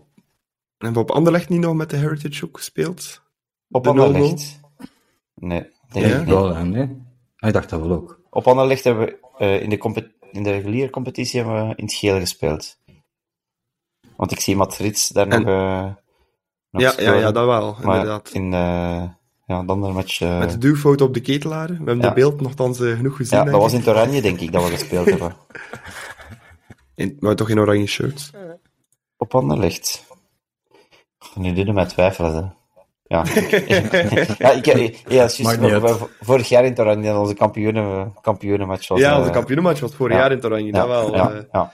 Dus, Ja. eh, dus ja, die van de ketelaren tegen, tegen Standaard, een knappe volley, moet er ook toch wel zeker bij. Ehm, dan, de goal op zich was misschien minder speciaal, maar de goal van Bas Dost op Standaard, een uitgespeelde actie over verschillende stations, was, eh, ik denk van op de rechterkant, eh, op vier, vijf passen, en Dost die mij uiteindelijk voor een leeg, leeg doel eigenlijk alleen nog maar moest binnenleggen. Dat is een, Dat een- Ik, ik heb net eh, opgezocht, Nico. We hebben inderdaad in het geel gespeeld op Anderlecht. Ah ja, voilà, ja, in het geel. Twee, ja. twee keer in het geel. Ja, ja. Ehm, dus ja, die van Dost mocht toch wel gezien worden qua teamwork eigenlijk. Echt een schoon uitgespeelde actie. Ehm, dan kwam ik bij Skof Olsen, die zeker niet mag ontbreken in dat lijstje, want die heeft er toch ook een paar eh, goed binnengetrapt. En zijn schoonste persoonlijk vind ik die tegen Antwerp, eh, de thuismatch. Naar binnen komen. Ja. Vlam eerste ook binnen. Dus, eh, Lijkt heel goed op die goal dat hij heeft gemaakt dit weekend. ja, maar ik Anderlecht. denk Alleen dat was nog van... van... veel verder was nog, denk ik. Ja, ja, want Eh, nu was het van binnen de net binnen de Eh, 16. ja, Toen dus eh, van die van tegen Antwerpen was toch nog altijd eh, het schoonste. En dat waren zo wat de goals in de competitie. En dan wil ik er nog één uitpikken in de beker. En dat was eh, de pegel van Balanta op, eh, op Genk. Dat is eh, Ja. ja. ook wel eentje die, die zeker tot de kanshebbers behoort, denk ik. Colombiaanse buskruid. Maar ja, de Ja. vraag is, Jens, wat is voor jou de definitie van een, eh, van een mooi doelpunt? Ben je eerder een man van de, de afstandsschoten die je langs alle kanten eh, opwaaien, of eh, eerder van de mooie combo's? Wel eerder de, een beetje beide eigenlijk, de combinatie en terwijl de volley. Dus, dus voor mij de goal van Bas Dost bijvoorbeeld is, is ook een hele mooie, dat Nico heeft aangehaald tegen Standaard. Omdat hij is dat we te weinig hebben gedaan dit jaar. Hè. Zo echt mooi uitgespeelde Dat acties. is waar. Eh, maar langs de andere kant, die goal van eh Sobol tegen Union, dat, dat ga ik Ja. toch eerder daarvoor kiezen zelf dan, omdat dat ook een beetje in de categorie valt. Ehm, heel belangrijke goals terwijl je nog niet goed weet hoe belangrijk Ja. ze wel niet waren. Ja, nee, inderdaad, zeker op dat moment niet.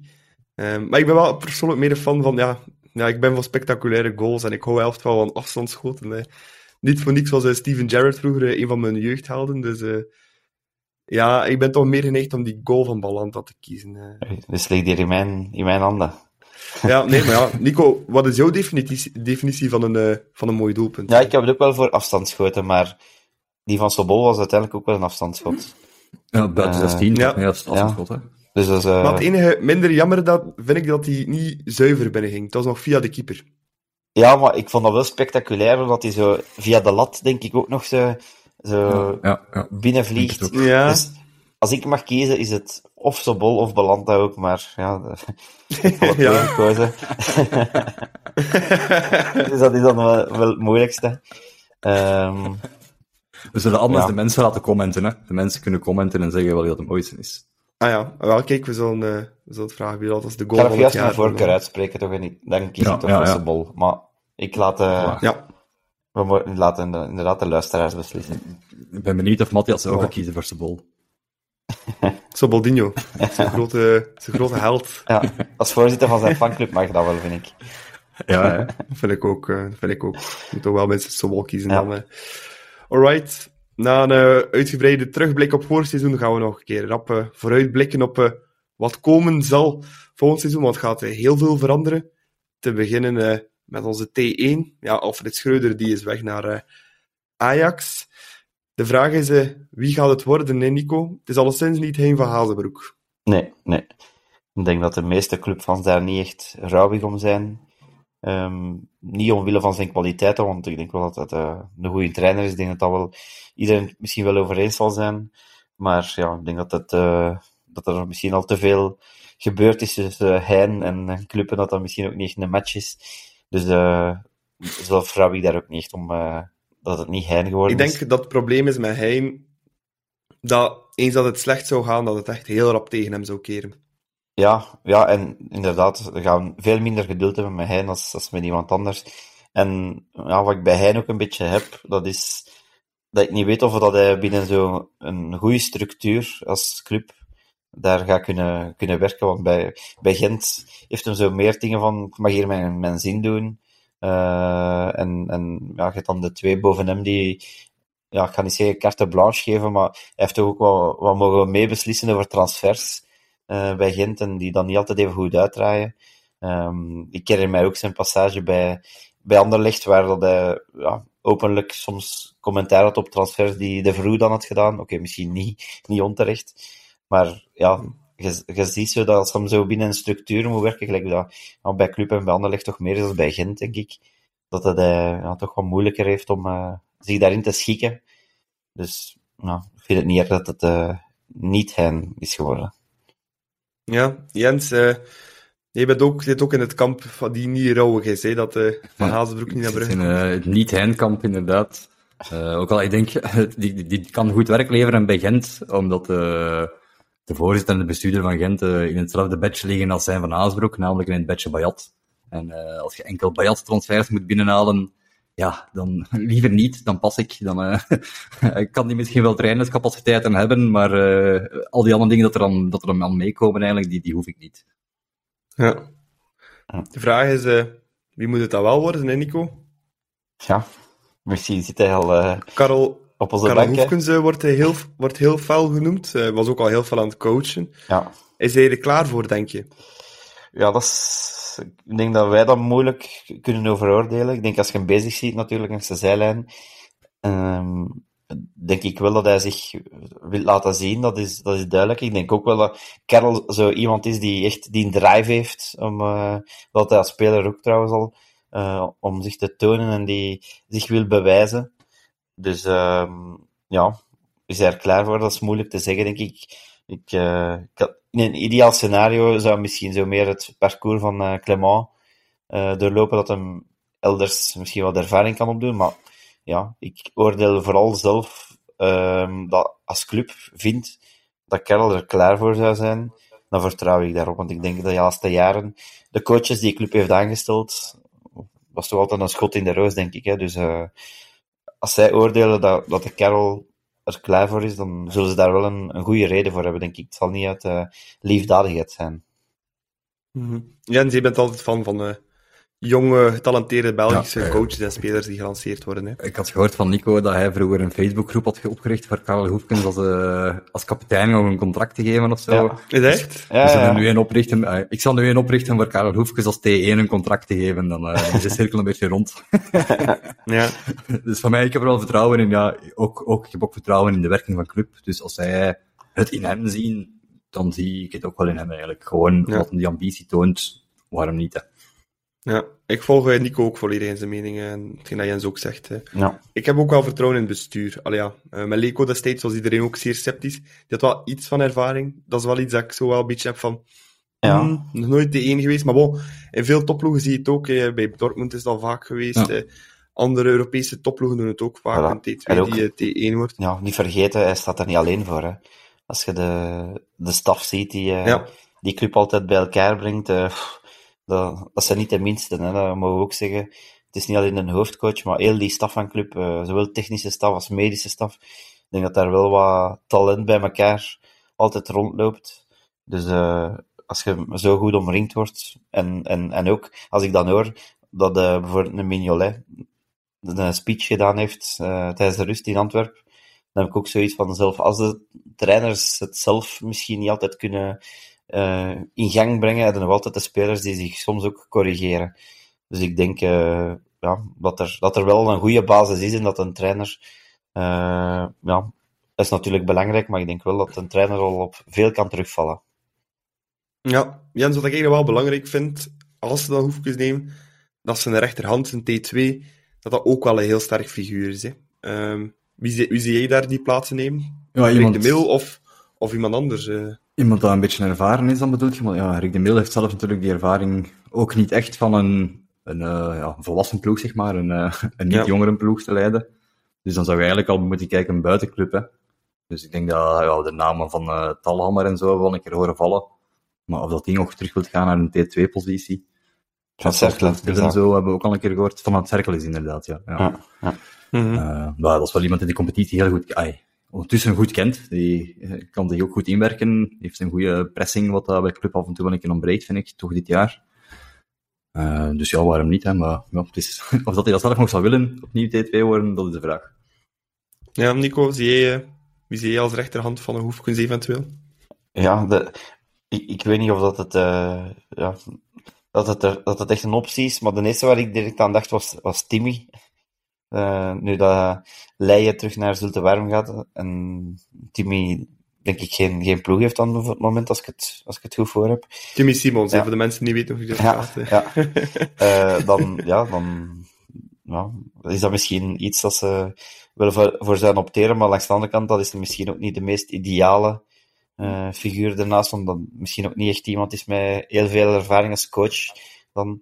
Dus ja, ik vind ook, twee, twee defensieve types natuurlijk, hè, als coach dan. Timmy Ja. en uh, Karel. Ah, wel ja, het is dat. Het is dat. En ja, ik weet het niet. Ik zou misschien ook wel liever iemand ervaren eh daarnaast zien. Geen type Frankie Dury of zo, dat, dat nu ook niet.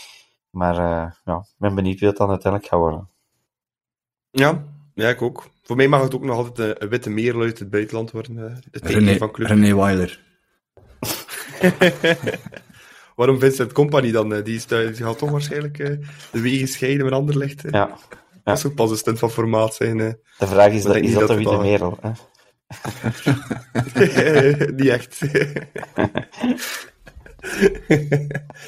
ja, en niet alleen eh, de trainers die gaan weg, Allee, of Schreuder gaat weg, maar ook heel wat spelers zullen de club verlaten. Uh, ben ik hier door de transfermarkt aan het gaan, kan ik hier het lijstje overlopen van spelers die ik denk dat gaan vertrekken. Noah Lang heeft zo goed als een uh, vertrek aangekondigd. De Ketelaar kan. Ik heb de Ketelaar uh, ook al gelinkt zien worden aan AC Milan, dus blijkbaar is AC Milan uh, echt voor iedereen aan het gaan. ja. Het is ook vooral, Scudetto gewonnen. Hè, dus, het is ook vooral Leicester dan natuurlijk de andere ja. mouwen van de Ketelaar ja. trekt. Hè. Moest ik hem zijn, ik zou wel naar, denk dat het... naar Leicester gaan dan. Ja, ik ook. Zoals ik denk dat dat bij hem, zo bij hem zou passen, ja. En ook een ploeg dat wat krediet geeft, ook vaak aan jonge spelers. Hè. Ze daar vaak laten ideaal opstap. Ik denk niet dat hij naar de absolute top moet meteen. soms, eh. soms te veel krediet zelfs, als je ziet hoe lang Tielemans Maar zou hij niet willen blijven met oog op het, eh, met oog op het WK? Dat hij toch zeker speelt in de eerste helft van het seizoen? Ja, ik kan, Want al, het WK ik is kan altijd al halverwege al. verkocht zijn dan nog eh, gehuurd aan club of, zo, of, of zo'n constructie misschien. Dat hij nog tot, tot aan het WK bij club, club blijft, maar toch al eigendom is van een andere club. eh, zoiets zit er natuurlijk ook nog altijd in. Hè. Mhm. Ja, andere namen eh, die al vaak op de vertreklijst hebben horen staan. Iedere Balanta misschien. Zou wel jammer zijn. Ja, dat zou ik jammer vinden. Ja, maar het zit er misschien aan te komen, maar dat zijn ze al twee seizoenen, dus eh Ja, laten we hopen dat die wel blijft. Eh Sargis Adamian, Jens. Houden of niet? Ja, Optie lichten of Ik niet? zou zeggen, onmiddellijk optie lichten. Wat is het, 4 miljoen of zo zeker? Ik ook. Eh, ja, ja zou zoiets Ik zou dat ook doen. Ja. niet over nadenken. Allee, ze mogen er eens over die- nadenken, maar... Als die eh, uit, als die ja, eh, interesse uit het buitenland komt voor eh, Adamian uit, uit de Bundesliga, ja, dan vertrekt hij denk ik wel hoor, Nico. Ja. Ik denk niet dat daar interesse voor komt eigenlijk. Die heeft in de Bundesliga gezeten en de interesse is er toen niet geweest, dus... Het is misschien, Ja. ik denk dat bij hem misschien ook zijn leeftijd al een beetje Ja. tegen 29. is vandaag 29 geworden. Dus maar dat is, eh, club is, is ook nog niet het, ah de ploeg om zo nog eh, veel geld, ah ja, toch een, een bedra- zo'n bedrag op tafel te leggen voor eh, iemand die tegen de 30 aanleunt. Maar ja, puur op kwaliteit en wat hij wat dit jaar heeft, ons heeft bijgebracht, zou ik toch ook wel zeggen, eh, laat maar komen. Mhm. Een andere man, eh, eentje die we minder gaan missen, denk ik. Eh, ook amper gespeeld. Fetou Mawassa. Dat is al een heel korte passage geweest zijn Ja. in Brugge. Waar we heel veel van verwacht hadden, maar eh, ja, ons Jeromek heeft het niet waargemaakt. Nee, Ja, we kunnen, we kunnen er misschien de memes van missen of zo, maar eh, het voetbal zelf niet, denk ik, nee. Ik, ik verschoot eigenlijk gisteren als, eh, als die ineens zo mee op dat podium eh, stond. Naar de, zijn staart Ja. ook zo wat geblondeerd had of zoiets. Dus die viel mij zo direct op en ik dacht, ah ja, dat is, dat is juist, die is hier ook nog. Eh, ja, enfin, die is hier Ja. tenminste dan nog. er zijn er die, die al ergens anders zitten ondertussen. Ja, inderdaad. Eh, volgende het lijstje Bas Dost. Ja, vertrekt Ja, ook. veel gescoord voor ons. Maar ja, ik past niet in het voetbal van club. Hè. Ik denk, Nee, maar jammer voor hem. Ja, eigenlijk anderzijds kunnen we ook niks verwijten. Hè. Eh, de, Ja. de keren dat hem ja, moest scoren, deed hij ook wel vaak. Eh, maar ja, inderdaad, past, past misschien minder in, de, in het huidige club. Dat is een feit. Ik denk in het huidige voetbal gewoon, dat dat sowieso Bas Dos Ja. als basisspeler, dat dat, ja, zo'n type aanvaller eh, wordt niet meer gebruikt van op de basis. Ja. Mhm. Dan eh, nog eentje, Federico Rica. Ook al vaak aan een vertrek gelinkt nu. Ook door het weinig spelen natuurlijk. En ook eh, ja, wordt er ook niet jonger op. 27, dus als hij... Ja, nu is dat het moment voor hem voor te gaan spelen, Nico. Dus eh, Ja, maar Ja. ja. ik heb het altijd wel een beetje gehad voor Rick eigenlijk. Eh, want ik, ik ook. ik vind dat hij, de keren dat hij mocht spelen, heeft hij mij eigenlijk nooit, nooit ontgoocheld. En ik denk ook in het systeem van met, drie, met drie van achter vond ik dat eigenlijk de ideale dublure van een Sokkie op de linker centrale verdediger. Eh, ik vind het minder een, linksachter, omdat misschien zijn aanvallende kwaliteiten wat minder zijn, maar puur verdedigend vind ik, vind ik Rika toch echt goed. En ook zijn, eh, die typische Zuid-Amerikaanse verbetenheid, eh, die grinta die Rick altijd heeft. Eh, ja, ik, ik, zie, ik zie dat wel graag en ja, ik zou het wel jammer vinden dat ze hem vertrekt. Dus je vindt niet heel veel spelers met een beetje ervaring die het oké vinden voor op de bank te zitten. En, en zo is Rika wel, denk ik. Ik heb niet het gevoel dat hij per se altijd wil spelen. Eh, als hij inkomt, is hij tevreden en dan doet hij zijn ding. En ik denk dat hij gewoon professioneel traint en goed in de groep ligt. Ja, Ja, nee, inderdaad. Maar ik denk dat hij ja, daarvoor ook eh, kapitein was bij, bij Malaga. Dus ik denk dat dat ja, klopt. Dus ik denk dat dat ook wel, dat toont ook een- al een beetje zijn attitude, denk ik, als je daar kapitein bent. Eh nou, dat zegt al iets, denk ik. Ja. Dan Jens, eh, de elephant in the room. Ruud Vormer. Gaat hij blijven of eh, was het zijn laatste keer de beker in de lucht stak gisteren? Ehm, ik, Als het aan zijn zoontje lag, ik denk de laatste, keer, blijven. de laatste keer bij ons, als hij de beker in de lucht steekt, alleszins. Als hij dat misschien nog elders gaat doen, dat kan ook, hè. Maar Betwijfel het toch? Als die in België blijven. eh. Ja, oké. het kan elk ander land zijn, maar, maar ik denk inderdaad ja, dat zijn verhaal bij ons wel eh, uitverteld is. Hij heeft een mooi verhaal gehad. Hij heeft nu ook een mooi einde gehad tegen Anderlecht, zeg maar. Eh, het was wel duidelijk dat het ja, zijn laatste speelgelegenheid ging zijn. hè. Ja. Nico had ook een optie. Ja, hij is 34. Ja, gewoon nog een jaartje blijven en gewoon in die rol van... eh ja, In de technische staf in de rol. eh, slash Ja. eh, Ja, maar ik denk dat we die verleden keer al een beetje besproken hadden, hè, die rol van Timmy. Dat dat Maar ik vind dat wel, sinds Schreuder is het beter.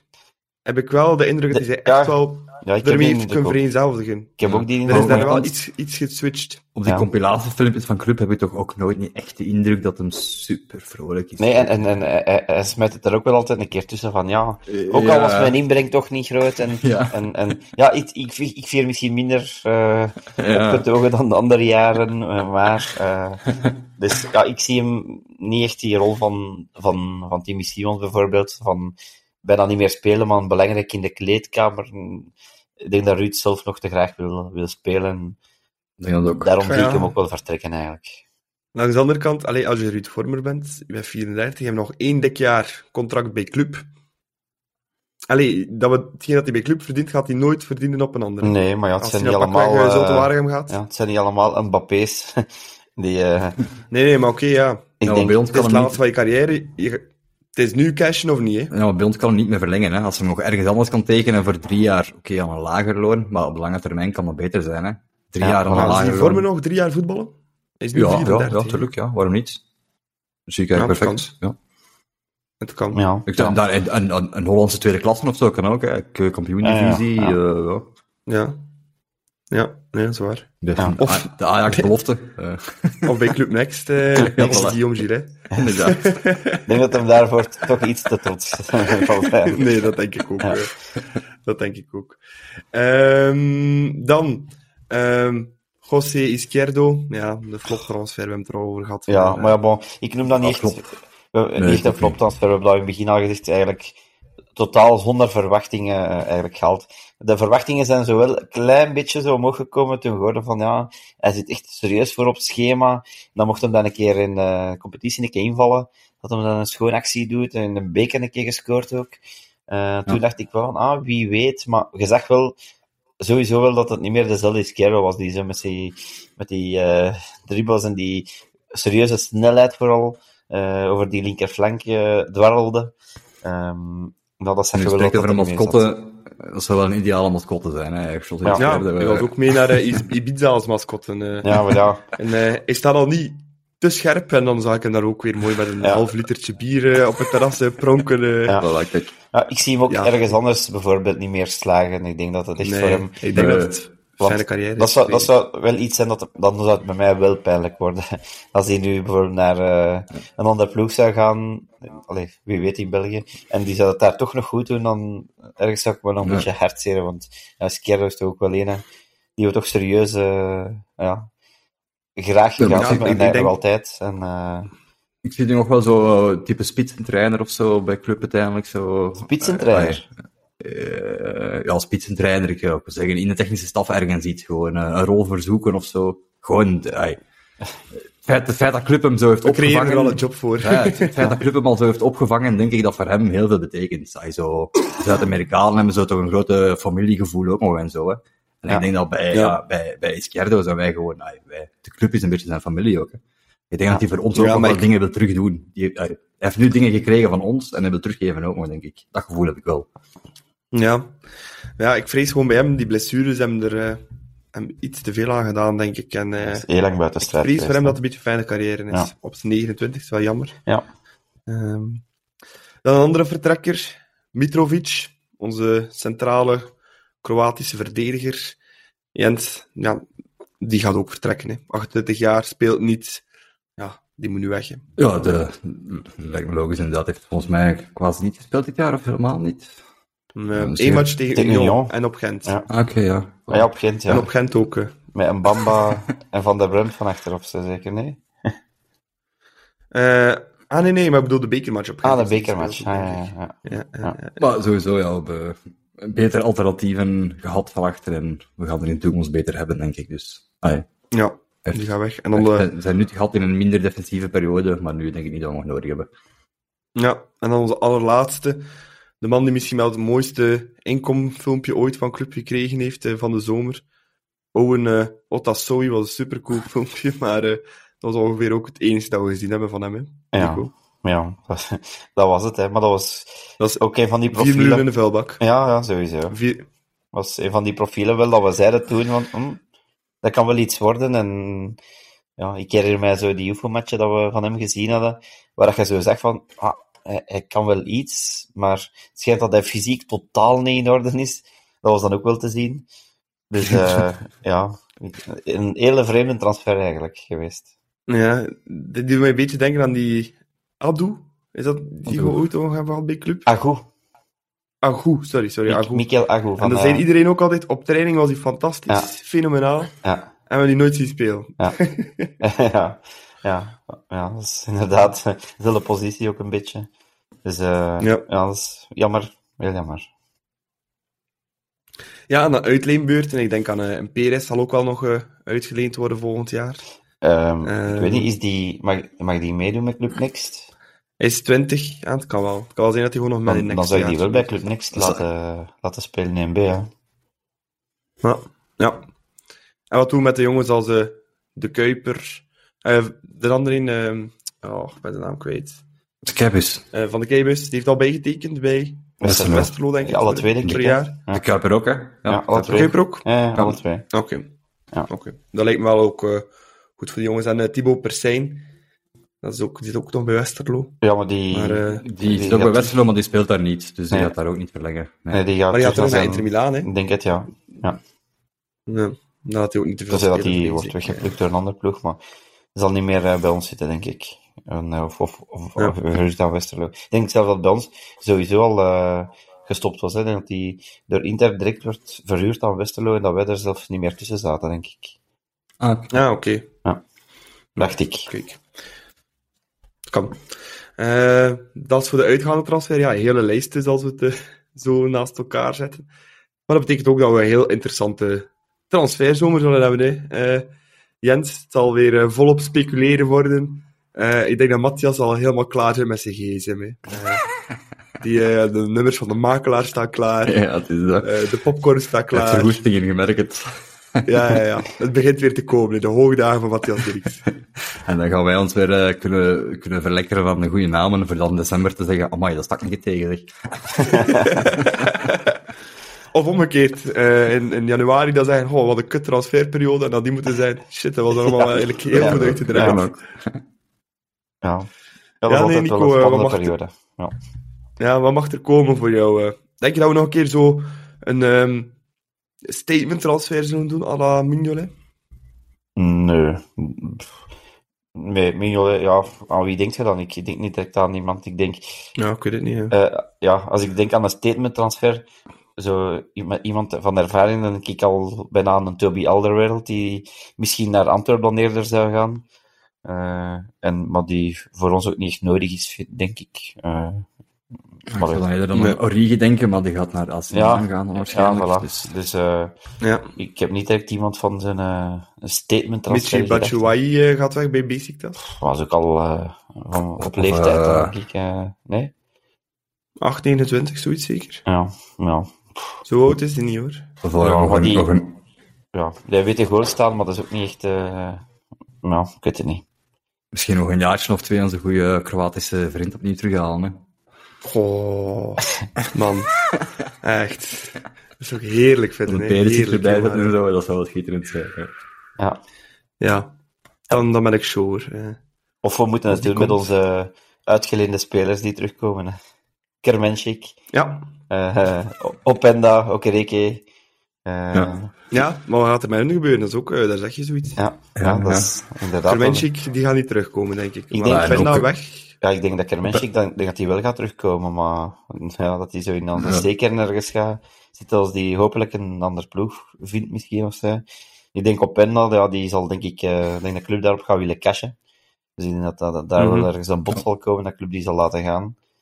Ja, en ook Reke, dat is, eh, ja, Hij is heeft gedegradeerd, zeker? niet veel slecht gedaan, ja. Maar hij heeft dan inderdaad niet slecht gedaan, hè?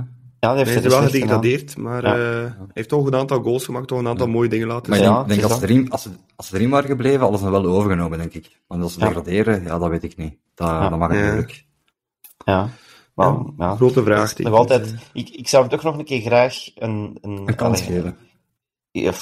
Ja, een keer willen zien, maar in de spits. Niet op de manier dat Clement gebruikt op de rechterkant. Ik, ik ga toch niet die, dat eerste seizoen, allee, die eerste matchen vooral vergeten wat hij daar heeft laten zien. Maar ja, anderzijds hebben we er ook wel veel op gesakkerd, maar, gesakkerd, maar ja, ik weet ook hoe belangrijk dat is dat een spits vertrouwen heeft en op de juiste positie wordt uitgespeeld. Dus ja, Ja. ook Reken blijft voor mij zo een beetje een raadsel. Ik weet niet goed wat ik ervan moet denken eigenlijk. Ja, ja. Ik zag het er wel in, eh, moet ik zeggen. eh, Ja, ik ook, ja. David Okereke. Ja. Maar eh, wat, wat hoop je dan, Jens, van de zomer nog? eh, ja, die statement transfer eventueel, maar ook eh, jonge talentjes, die mag er altijd bij komen. eh. Ja, klopt. De, doorgroei mag er wel zijn, hè. Dus dan ook eh, een beetje uitkijken wat dat er doorkomt van onze eigen club Next, denk ik. Of bedoelt je Ja. dan transfers van andere ploegen zelf? Ja, want, want er zit, zit ook wel wat leuks aan te komen bij ons. hè. Ik denk aan een uh, Sisse Sandra, Lintou Doorn, Nico. Uh, Nusa, Stila, die nu ook- nog Stila, ook mogen invallen. Stila, een Bamba. Hopelijk blijft die wel. Hopelijk Ja. blijft die nog, ja. Ik vrees er een beetje voor. Dubbel, daar had de ploeg daar ook wel geld voor moeten leggen. Hè. Ik bedoel, Klopt, klopt. Ik denk dat spelers waar ik het meeste in zie van wat ik al gezien heb van Club Next, zijn dan toch eerst en vooral zeker Nusa. Die gaat het zeker Mhm. maken volgens mij.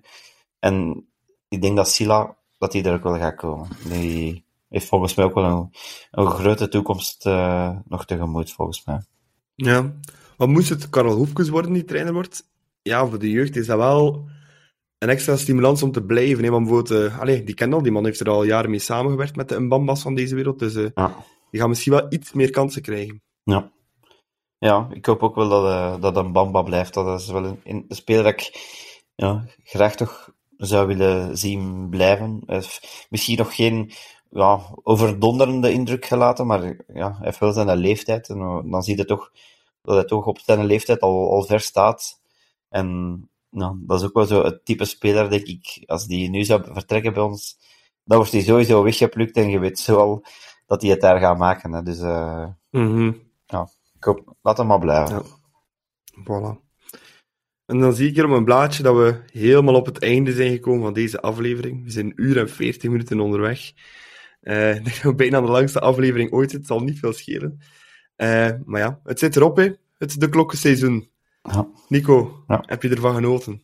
Ja, het zal wel zijn. Ik denk dat we dit jaar weer eh, enkele geweldige gasten hebben gehad. Ehm, zowel ex-spelers als eh, supporters en of iemand, alle andere mensen die met club te maken hebben.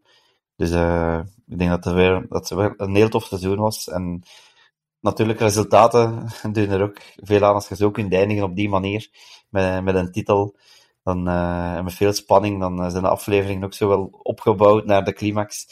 Dus ja, het was een, een heel tof seizoen, vond ik. Ja, Jens, je bent er halverwege het seizoen bijgekomen. Eh ben je blij dat je ook in het, de klokken, elf, de klokken Elftal, ja. Viertal. Het Ja, ik heb, viertal. eh, ik heb geluk gebracht, ook duidelijk, hè. Hey. Ja, ja, eigenlijk, sinds dat Jens erbij is gekomen, de ommekeer. Daar hebben we onze witte merel. Ja, Ja. voilà.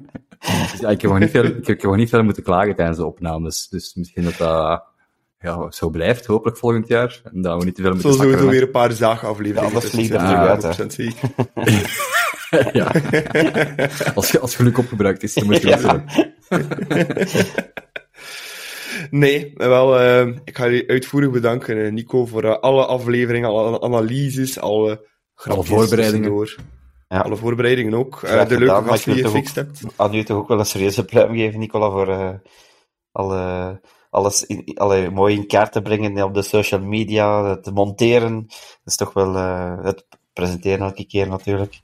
Dat is toch wel eh, misschien wel de belangrijkste rol eh, van ons vieren, denk ik. Goh ja, iedereen heeft een heel belangrijke rol, denk ik. En eh, ik ben heel blij dat ik het kan doen en mag doen hier, eh, de klok. Ik vind het heel plezant en eh, we bluffen gaan alleszins. En eh, ja, Jens ook, jij ook uiteraard. eh, bedankt om onze ja, kwartetten aan te vullen en ook eh, ja, toch al redelijk wat afleveringen gemaakt hè, sinds dat je wel, bent ja. We zijn nuttig geweest. Dat is wel goed. ja, het is dat. Ja, en mij ook één keer vervangen als uh, presentator zelfs, met Leo van der Elst. Dat was ook wel een memorabele aflevering. Hè? Uh, ja, interessante kerel, Leo. Mag, uh, mag tegen een keer hier langskomen. Dat is niet slecht om te debuteren, hè? Nee, nee, het is dat. Nee, nee, het is Mag ik in de zetel komen zitten bij mij ook, geen probleem. Direct voor de Leo gegooid worden. Uh. Oh, oh, slecht op je op te doen. En uiteraard uh, ook uh, Matthias Dirks uh, wil ik ook heel erg bedanken voor de vele transfernieuwtjes en ook ja, zijn passages hier in de Klokken podcast. Inside dus, info ja, van de Union. Ja, inside info van Union, infiltrant in het Brusselse. Ja. dus ja, nee, altijd heel interessant met hem er ook bij. Bedankt ook aan uh, alle gasten die gepasseerd zijn uh, dit jaar. Zijn er heel veel, we hebben er al een deeltje opgenoemd, maar uh, ja, het zijn er heel veel. ik denk een leuke aflevering met Nossa, Oba Sohan. we hebben nog allemaal gehad, Filip van der Wallen. Peter van der Rijden. Peter van der Heijden, ja, dat was ook legendarisch. Ah, uh, van der Elst ook. Goh, ja, kijk. Ah. Van alle tijden waren ze dit jaar. Ja. Dus kijk, bedankt aan alle gasten. En als allerlaatste, de luisteraars uiteraard, jullie bedankt om onze een jaar lang naar ons gezever te willen luisteren uh, over club en ons gezag en ons geklaag. Uh, maar we zien wel dat jullie graag naar onze podcast luisteren. Dus uh, ja, zonder jullie was er geen De Klokken podcast. Vorige aflevering was trouwens ook onze vijftigste aflevering, de kampioenen special. Dus ja, kijk, ook een klein jubileum hier op het einde van het jaar. En Nico, we gaan voor minstens 100, hè. Ja, natuurlijk. daar moeten we vlotjes aan geraken, hè. Ja, voilà. Dus ook volgend seizoen de Klokkenpodcast, daar mag je zeker op rekenen. Het kan zijn dat we hier en daar een beetje gaan tweaken aan het format, maar dat gaan we nog ja, bespreken in het tussenseizoen. Maar wij gaan ook, net als de spelers, eventjes op vakantie. En ik denk dat we ergens in juli terug zullen zijn voor de volgende aflevering, de eerste van het seizoen dan, met de eerste competitiematch wellicht gaan we er dan helemaal terug invliegen. En als laatste ga ik nog eens onze kanalen herhalen kan ons volgen op Instagram met De Klokkenpodcast. Op dezelfde manier op Twitter. Je kan mailtjes sturen naar deklokkenpodcast.gmail.com met suggesties of andere zaken. Dus als je suggesties hebt of leuke zaken dat je zegt van oh, dat zou er een keer in moeten inkomen in de Klokkenpodcast of die persoon wil zo een keer willen uitnodigen, stuur het gerust door via socials of uh, ja, e-mail en uh, dan reageren we daar uh, zeker op. En vergeet ons niet te followen en te raten op Spotify. Bedankt voor het luisteren en tot volgend seizoen, tot een volgend seizoen van Club Brugge en van De Klokken. Tot dan.